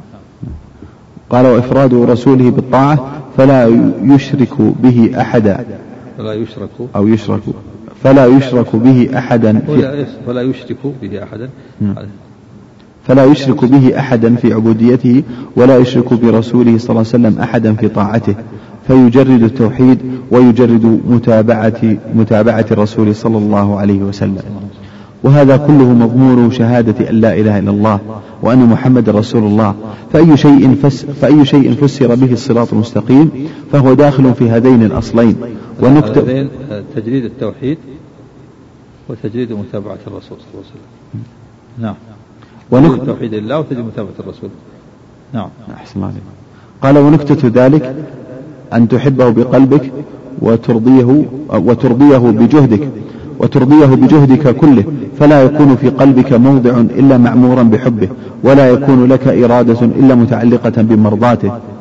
فالأول يحصل بتحقيق ولا يكون في قلبك موضع إلا مأمورا بحبه ولا يكون لك إرادة إلا متعلقة بمرضاته. نعم. فالأول. نعم. فالأول يحصل بتحقيق شهادة أن لا إله إلا الله والثاني يحصل بتحقيق شهادة أن محمد رسول الله وهذا هو الهدى ودين الحق. الأول. ما هو ما هو الأصلان؟ الأول شهادة الله والثاني شهادة أن محمد رسول الله. الأول يحصل بتحقيق الشهادة يعني تجريد التوحيد. والثاني تجريد متابعة الرسول عليه الصلاة نعم. تجريد متابعة يحصل- بتحقيق بتحقيق شهادة أن محمد رسول الله. وهذا هو الهدى ودين الحق. نعم. أحسن الله عليكم. قال وهذا هو قال وهذا هو الهدى ودين الحق وهو معرفة الحق وهو معرفة الحق والعمل به. وهو معرفة ما بعث الله به رسوله والقيام به. فقل ما شئت من العبارات التي هذا ال- التي هذا آخيتها وقطب رحاها. نعم الأخية. فسرها عندك. نعم أحسن عليك. قال في الحاشية الأخية بالمد والتشديد واحدة الأواخي وهي الوتد الذي تشد إليه الدابة. الصحاح هذا والأخية بالمد والتشديد حبيل أو عويد يعرض في الحائط. ويدفن طرفاه فيه ويصير طرفه كالعروة تشد فيها الدابة وجمعها الأواخي أوسع وقال سهل بن عبد الله عليكم بالأثر والسنة فإني أخاف أنه سيأتي عن قليل عن وقال سهل بن عبد الله نعم. نعم أحسن عليك. وق... نعم. نعم قال وقال سهل بن عبد الله عليكم بالأثر والسنة فإني أخاف أنه سيأتي عن قليل عن قليل زمان إذا ذكر إنسان النبي صلى الله عليه وسلم والاقتداء به في جميع أحواله ذموه ونفروا عنه وتبرأوا منه وأذلوه وأهانوه. صلى الله عليه نعم هذا هو ما عليه الآن بعض بعض المنحرفين وبعض الملاحدة وبعض الصحفيين. هذا. اللي لو يذكر بعض ذكر النبي صلى الله عليه وسلم في جميع الأمور ذموه ونفروه وتبرأوا منه. هذا موجود. نعم. نعم. قال المصنف رحمه الله تعالى قال ابن مسعود رضي الله عنه من أراد أن ينظر إلى وصية محمد صلى الله عليه وسلم التي عليها خاتمه فليقرأ, قول فليقرأ قوله تعالى قل تعالوا أتل ما حرم ربكم عليكم إلى قوله وأن هذا صراطي مستقيما فاتبعوه الآية. قوله ابن مسعود هو عبد الله بن مسعود بن غافل بمعجمة وفاء ابن حبيب الهذلي أبو عبد الرحمن صحابي جليل من السابقين الأولين رضي الله تعالى عنه من أهل بدر وأحد والخندق وبيعة الرضوان ومن كبار علماء الصحابة. أمره عمر على الكوفة ومات سنة اثنتين وثلاثين رضي الله عنه. وهذا الأثر رواه الترمذي وحسنه ابن المنذر وابن أبي حاتم والطبراني بنحوه قال وسبب هذا القول والله أعلم ما رواه البخاري في صحيحه. عن ابن عباس رضي الله عنهما قال لما اشتد بالنبي صلى الله عليه وسلم وجعه قال ائتوني بكتاب أكتب لكم كتابا لا تختلفوا بعده. قال عمر إن النبي صلى الله عليه وسلم غلبه الوجع وعندنا كتاب الله حسبنا. فاختلفوا وكثر اللغط. قال قوموا عني ولا ينبغي عندي نز ولا ينبغي عندي التنازع. فخرج ابن عباس رضي الله عنهما يقول إن الرزية كل الرزية ما حال بين رسول الله صلى الله عليه وسلم وبين كتابه. فقال ابن مسعود من أراد أن ينظر إلى وصية محمد صلى الله عليه وسلم التي عليها خاتمه الحديث. قال بعضهم معناه من أراد أن ينظر إلى الوصية التي كأنها كتبت وختم عليها فلم تغير ولم تبدل فليقرأ. قل تعالوا إلى آخر الآيات. شبهها بالكتاب الذي كتب ثم ختم فلم يزد فيه ولم ينقص ولم ينقص. فإن النبي صلى الله عليه وسلم لم يوصي إلا بكتاب الله تعالى. كما قال فيما رواه مسلم وإني تارك فيكم ما إن تمسكتم به لن تضلوا كتاب الله. وقد روى عبادة بن الصامت رضي الله عنه قال قال رسول الله صلى الله عليه وسلم أيكم يبايعني على هؤلاء الآيات الثلاث؟ ثم تلا قوله قل تعالوا أتل ما حرم ربكم عليكم حتى فرغ من ثلاث من ثلاث الآيات. نعم أحسن عليك. حتى فرغ من الثلاث الآيات. ثم قال من وفى بهن فأجره على الله ومن تقص منهن شيئا فأدركه فأدركه الله في الدنيا. فأدركه الله به في الدنيا. نعم. فأدركه الله به في الدنيا كانت عقوبته. ومن أخره عقوبته. نعم فأدركه الله به في الدنيا كانت عقوبته. ومن أخره إلى الآخرة كان أمره إلى الله. إن شاء أخذه وإن شاء عفى عنه. رواه ابن أبي حاتم والحاكم وصححه ومحمد بن نصر في الاعتصام. قلت ولأن النبي صلى الله عليه وسلم لم يوصي أمته إلا بما وصاهم به إلا بما وصاهم به الله تعالى على لسانه وفي كتابه الذي نزله تبيانا لكل شيء وهدى ورحمة وبشرى للمسلمين. وهذه الآيات وصية الله تعالى ووصية رسوله صلى الله عليه وسلم. قال المصنف رحمه الله تعالى وعن معاذ بن جبل رضي الله تعالى عنه قال كنت رديف النبي صلى الله عليه وسلم على حمار فقال لي يا معاذ أتدري ما حق الله على العباد وما حق العباد على الله؟ قلت الله ورسوله أعلم. قال حق الله على العباد أن يعبدوه ولا يشركوا به شيئا وحق العباد على الله أن لا يعذب من لا يشرك به شيئا.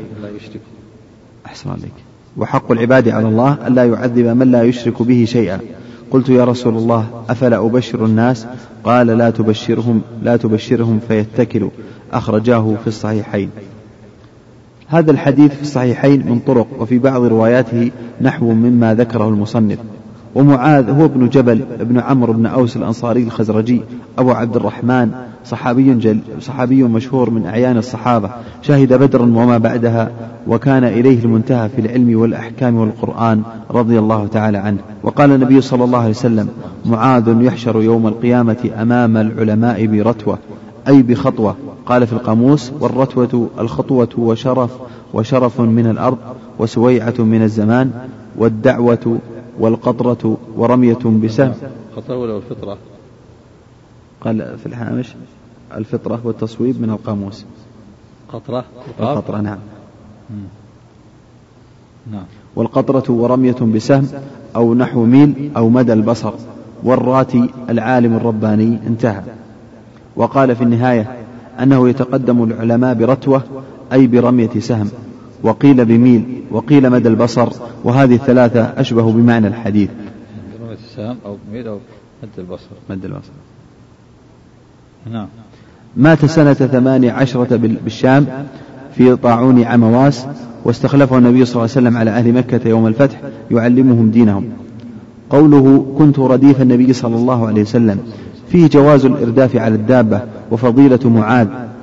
قوله على حمار وفي رواية اسمه عفير. قلت أهداه إليه المقوقس صاحب مصر وفيه تواضعه صلى الله عليه وسلم لركوب الحمار والإرداف عليه خلافا لما عليه أهل الكبر. قوله أتدري ما حق الله على العباد؟ أخرج السؤال بصيغة الاستفهام ليكون أوقع في النفس وأبلغ في فهم المتعلم. وحق الله على العباد هو ما يستحقه عليهم.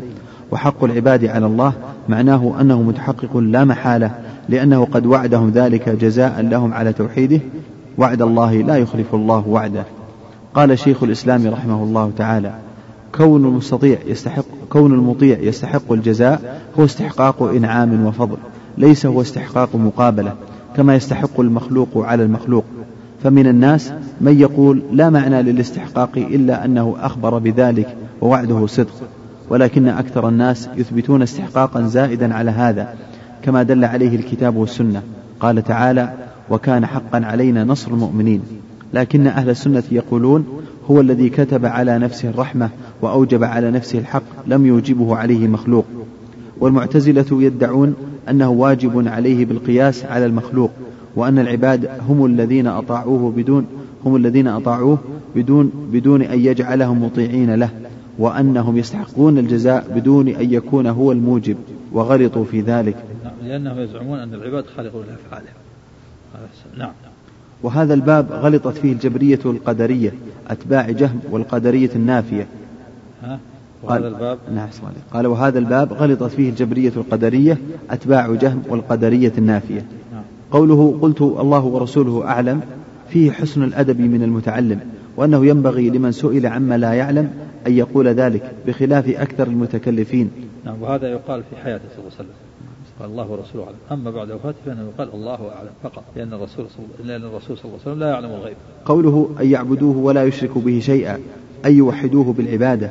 ولقد أحسن العلامة ابن القيم رحمه الله حيث عرف العبادة بتعريف جامع فقال وعبادة الرحمن غاية حبه مع ذل عابده هما قطبان وعليهما فلك العبادة دائر ما دار حتى قامت القطبان ومداره بالأمر أمر رسوله لا بالهوى والنفس والشيطان.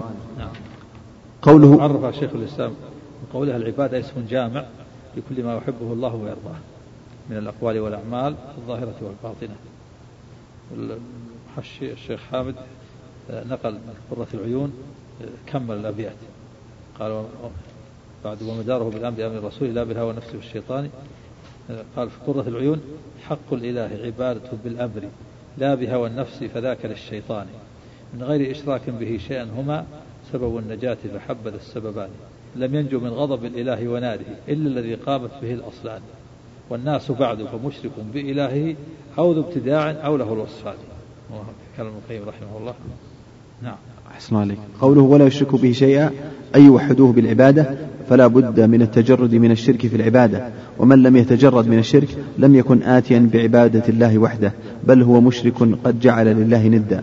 وهذا معنى قول المصنف رحمه الله تعالى وفيه أن العبادة هي التوحيد لأن الخصومة فيه. وفي بعض الآثار الإلهية إني والجن والإنس في نبأ عظيم أخلق ويعبد غيري وأرزق ويشكر سواي. خيري إلى العباد نازل وشرهم إلي صاعد أتحبب إليهم بالنعم ويتبغضون إلي بالمعاصي. هذا الأثر الإسرائيلي أثر إسرائيلي لكن معناه صحيح. قال أحسن في الحاشية أخرجه الطبراني في مسند الشاميين والحاكم في التاريخ والبيهقي في شعب الإيمان والديلمي في مسند الفردوس كما في الدر المنثور والحكيم الترمذي في نوادر الأصول كما في الكنز مرفوعا من حديث أبي الدرداء رضي الله عنه. قوله حق العباد على الله أن لا يعذب من لا يشرك من لا يشرك به شيئا قال الحافظ اقتصر على نفي الإشراك لأنه يستدعي التوحيد بالاقتضاء ويستدعي إثبات الرسالة باللزوم. إذ من كذب رسول الله صلى الله عليه وسلم فقد كذب الله ومن كذب الله فهو مشرك أو هو مثل قول القائل من توضأ صحت صلاته أي مع سائر الشروط انتهى. أو وهو مثله. اقتصر على نفي الإشراك لأنه نعم. يستدعي التوحيد بالاقتضاء قال آه ويستدعي إثبات الرسالة باللزوم. إذ من كذب رسول الله صلى الله عليه وسلم فقد كذب الله ومن كذب الله هو مشرك وهو مثل قول القائل عندك أو آه قال أحسن الله في الحاشية جميع النسخ واو والمثبت من الفتح. رجع أو قول القائل من توضأ صحت صلاته أي مع سائر الشروط. وكذلك وكذلك كل من فعل ناقضا من نواقض الإسلام مثل من سب الله وسب الدين فإنه يكون مشركا. لأنه لم يأتي بمقتضى التوحيد. يعني أو مثل قول القائل من توضأ صحت صلاته أي مع سائر الشروط وكذا كل من فعل ناقضا من نواقض الإسلام مثل من سب الله أو سب الدين فإنه يكون مشركا لأنه لم يأتي بمقتضى التوحيد. قوله أفلا أبشر الناس؟ فيه استحباب بشارة المسلم بما يسره وفيه ما كان عليه الصحابة من الاستبشار بمثل هذا. قاله المصنف رحمه الله تعالى. قوله لا تبشرهم فيتكلوا أي يعتمدوا على ذلك فيتركوا التنافس في الأعمال. وفي رواية فأخبر بها معاذ عند موته تأثما أي تحرجا من الإثم. قال الوزير أبو المظفر لم يكن يكتمها إلا عن جاهل يحمله جهله على سوء الأدب بترك الخدمة في الطاعة. فأما الأكياس الذين إذا سمعوا بمثل هذا زادوا في الطاعة ورأوا أن زيادة النعم تستدعي زيادة الطاعة فلا وجه فلا وجه لكتمانها عنهم. الأكياس جمع كيس وهو العاقل اللبيب الحديث فيه أن النبي نهى قال لا تبشرهم فيتكلوا ظاهر النبي أن, أن هذا النهي يعني فهم منه معاذ رضي الله عنه ليس للتحريم وإنما هو نهي مؤقت ولهذا أخبر بها عند معاذ عند موته تأثما يتحرج من الوقوع في الإثم فكأنه فهم منه أنه أراد أن لا يبشرون في وقت دون وقت أو كما فهم الوزير المظفر أنه إنما يكتمها من بعض الناس دون بعض يكتمها عن الجاهل الذي يحمله سوء الأدب على ترك الخدمة والطاعة. فأما الأكياس العقلاء فإنه لا يكتم عنهم ذلك. نعم. أحسن الله عليك. بكل حال فهذا من العلم. فهو فهم هذا أن هذا من العلم الذي لا يكتم يعني كتمانا عن جميع الناس. أو كتمانا مستمرا. ولهذا أخبر به عند موته تأثما خشية الوقوع في الإثم. لأن هذا من الدين ولا بد من تبليغ الدين. نعم. أحسن الله قالوا في الباب من الفوائد غير ما تقدم الحث على إخلاص العبادة لله. وأنها لا تنفع مع الشرك بل لا تسمى عبادة. والتنبيه على عظمة حق الوالدين وتحريم عقوقهما وتنبيه على عظمة الآيات المحكمات في سورة الأنعام. وجواز كتمان العلم للمصلحة. نعم. جواز كتمان العلم للمصلحة؟ يعني إذا كان مصلحة في كتمانه يكتم عن بعض الناس بعض الجهال الذين يحملهم مثل هذا على ترك العمل يكتم عنهم ولا يكتم عن الأكياس. أحسن الله عليكم هل في هذا يعني مندوحة لبعض العلماء في عدم التصريح ببعض المسائل العلمية أمام من لا يفقهها أو, نعم. أو لا يكون؟ نعم.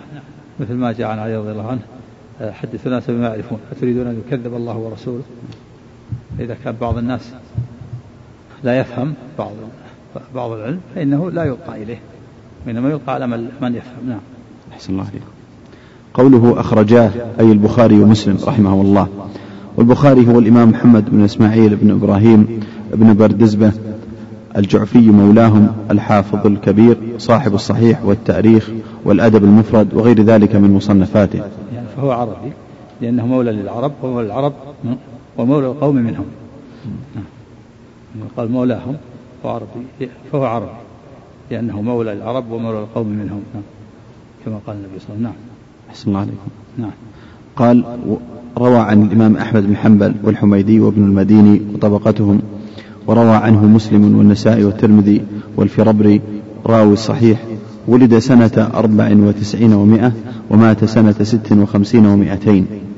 يعني النسائي روى عن البخاري النسائي روى عن البخاري وعن شيخه الآخر وهو ابن علية وهو يتفق مع البخاري في اسمه واسم أبيه واسم جده كل منها محمد بن, بن إسماعيل بن إبراهيم.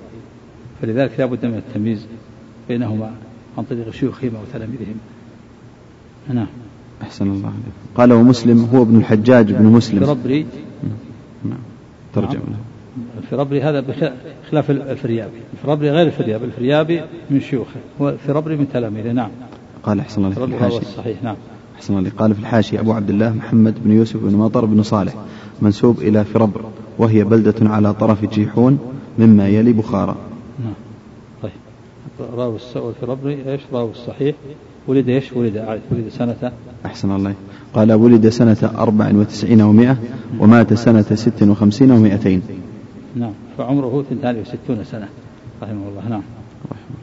قال ومسلم هو ابن الحجاج ابن مسلم أبو الحسين القشيري النيسابوري صاحب الصحيح والعلل والوحدان وغير ذلك. فهو عربي. نيسابوري. نعم. روى عن أحمد بن حنبل ويحيى بن معين وأبي خيثمة وابن أبي شيبة وطبقتهم وروى عن البخاري صحيحة. وروى عن البخاري؟ نعم أحسن عليك صحيحة عندك؟ نعم أحسن عليك قال في نسخة ساقط في الحاشية. قال وروى عن البخاري ساقط في بعض النسخ. قال وروى عنه الترمذي وإبراهيم بن محمد بن سفيان راوي الصحيح وغيرهما. ولد سنة أربع ومائتين ومات سنة إحدى وستين ومائتين بنيسابور رحمهم الله تعالى. فعمره سبع وخمسون سنة رحمه الله. ولد سنة أربع ومائتين السنة التي توفيها الإمام الشافعي رحمه الله ولادة الإمام مسلم. هي السنة التي توفي فيها الإمام الشافعي. نعم. فيه مسائل الأولى الحكمة في خلق الجن والإنس. نعم. وهي أن يعبدوا الله ولا يشركوا به شيئا. هذه الحكمة. وهناك حكمة أخرى. وهي أن يعرف الله بأسمائه وصفاته وأن يعلم أنه على كل شيء قدير وأن علمه محيط بكل شيء. كما قال تعالى الله الله الذي خلق سبع سماوات ومن الأرض مثلهن يتنزل الأمر بينهن لتعلموا أن الله على كل شيء قدير وأن الله قد أحاط بكل شيء وهناك حكمة ثالثة وهي الابتلاء والامتحان. أي الناس أحسن عملا؟ كما قال تعالى الذي خلق الموت والحياة ليبلوكم أيكم أحسن عملا. نعم. أحسن الله قال الثانية أن العبادة هي التوحيد لأن الخصومة فيه. نعم يعني, أن الخصومة إنما وقعت بين النبي صلى الله عليه وسلم وبين المشركين في تحقيق التوحيد تحقيق لا إله إلا الله. نعم. قال الثالثة أنا من لم يأتي ب... أنا من لم يأتي به لم يعبد الله ففيه معنى قوله ولا أنتم عابدون ما أعبد. نعم. أنا من لم يأتي بالتوحيد لم يعبد نعم. الرابعة الحكمة في إرسال الرسل. نعم وهي دعوة الناس إلى عبادة الله واجتناب الطاغوت. نعم. الخامسة أن الرسالة عمت كل أمة. نعم. السادسة أن دين الأنبياء واحد. نعم. السابعة المسألة الكبيرة أن عبادة الله لا لا تحصل إلا بالكفر بالطاغوت ففيه معنى قوله فمن يكفر بالطاغوت ويؤمن بالله فقد استمسك بالعروة الوثقى نعم. لأن التوحيد لا يكون إلا بأمرين بالنفي والإثبات. فالنفي هو الكفر بالطاغوت والإثبات هو الإيمان بالله. نعم.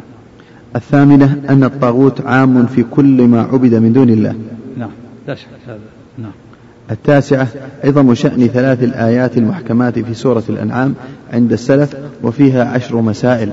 أولها طيب لأن هذه الثلاث الآيات هي تسمى آية الوصايا العشر. هي عشر وصايا. أولها النهي عن الشرك. نعم أولها. قال أولها النهي عن الشرك.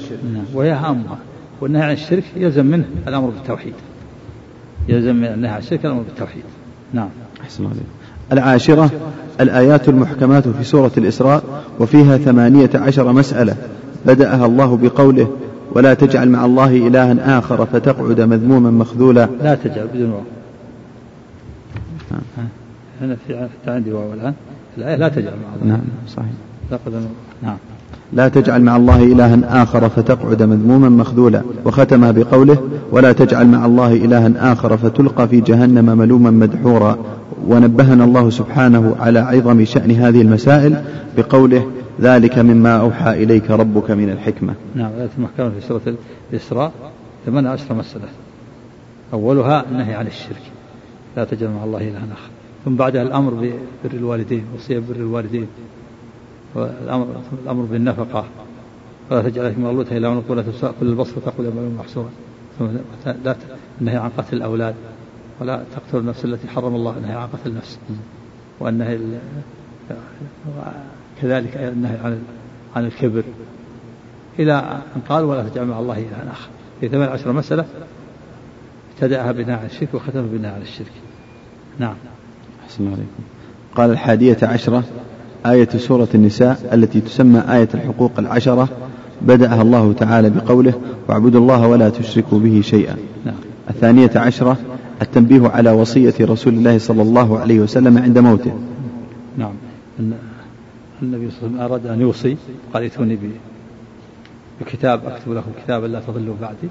اختلف الناس فوصية ووصيته هي وصية الله. لو أوصى شيئا لكانت وصية لو أوصى بشيء لكانت هي وصية الله. لكانت وصيته هي وصية الله.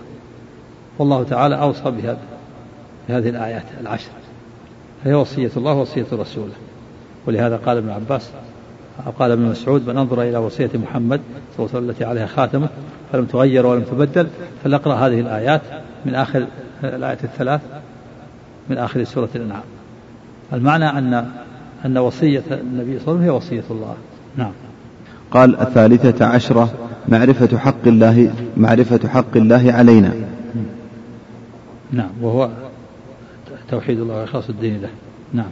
الرابعة عشرة معرفة حق العباد عليه إذا أدوا إذا أدوا حقه. وهي أن لا يعذب من لا يشرك بشيء وفرق بين الحقين. حق الله حق إيجاب وإلزام وحق العباد حق تكرم وتفضل. كما قال الشاعر ما للعباد عليه حق واجب؟ كلا ولا سعي لديه ضائع نعذب فبعدله أو نعم فبفضله وهو الكريم الواسع. نعم. الخامسة عشرة أن هذه المسألة لا يعرفها أكثر الصحابة. يعني المراد لا يعرف أكثر الصحابة يعني بالنص عليها استقلالا. لا يعرف أكثر الصحابة يعني بالنص عليها استقلالا وإلا فقد بينها النبي صلى الله عليه وسلم معناها وأن من لم يشرك بالله فهو من أهل الجنة. لكن نص على كون هذا حق العباد على الله هو الذي لم يعرفه أكثر الصحابة. نعم. يعني كون معاذ كتمها أحسن عليك ولم يخبر لا. بها إلى آخره. لا لا. المقصود أنها يعني بالنص عليها. أكثر الصحابة لم يعرف لم يعرفها يعني بالنص عليها استقلالا وإلا فقد بينها النبي صلى الله عليه وسلم. نعم. أحسن عليكم. قال السادسة عشرة جواز كتمان العلم للمصلحة. ولهذا قال النبي صلى الله عليه وسلم لا تبشرهم فيتكلوا. إذا كان هناك مصلحة تقتضي كتمان العلم عن بعض الناس كتم. نعم. السابعة عشرة استحباب بشارة المسلم بما يسره. نعم. قال فلا أبشر الناس. نعم. الثامنة عشرة الخوف من الاتكال على سعة رحمة الله. من قوله لا تبشروا فيتكل. نعم. التاسعة عشرة قول المسؤول عما لا يعلم الله ورسوله أعلم. نعم. وهذا كما سبق في حياة النبي صلى الله عليه وسلم. أما بعد وفاته فإنه قال الله أعلم لأن الرسول صلى الله عليه وسلم لا يعلم الغيب. ولهذا ففي يوم القيامة يرد أناس على الحوض فيدادون ويردون. فيقول الرسول صلى الله عليه وسلم أصحابي فيقال إنك لا تدري ما أحدث بعدك. فيقول سحقا سحقا لمن غير بعدي. اللهم إلا أن يريد القائل بقول الله ورسوله أعلم يعني ما أخبر به في حياته؟ أمته. ما أخبر في حياة أمته من أمور التشريع فهذا حق. يعلم ما أخبر به أمته في حياته. أما أعمال أمته فلا بعده بعد فلا يعلمها ولا يعلم الغيب إلا الله. نعم. العشرون جواز تخصيص بعض الناس بالعلم دون بعض. نعم. جواز تخصيص الناس بالعلم بعض الناس بالعلم دون بعض. كان يخصص بعض طلبة العلم بدروس خاصة أو بفوائد خاصة لنباهتهم وحذقهم يعني والمراد بالعلم الزائد على قدر المحتاج إليه يعني في إقامة الدين. أما الود منه في إقامة الدين؟ هذا لا بد منه. نعم. أحسن عليكم. قال الأحادية والعشرون تواضعه صلى الله عليه وسلم لركوب الحمار مع الإرداف عليه. نعم. الثانية والعشرون جواز الإرداف على الدابة. نعم. الثالثة والعشرون فضيلة معاذ بن جبل رضي الله تعالى عنه. نعم. الرابعة والعشرون عظم شأن هذه المسألة. نعم. هي مسألة إيش؟ مسألة التوحيد.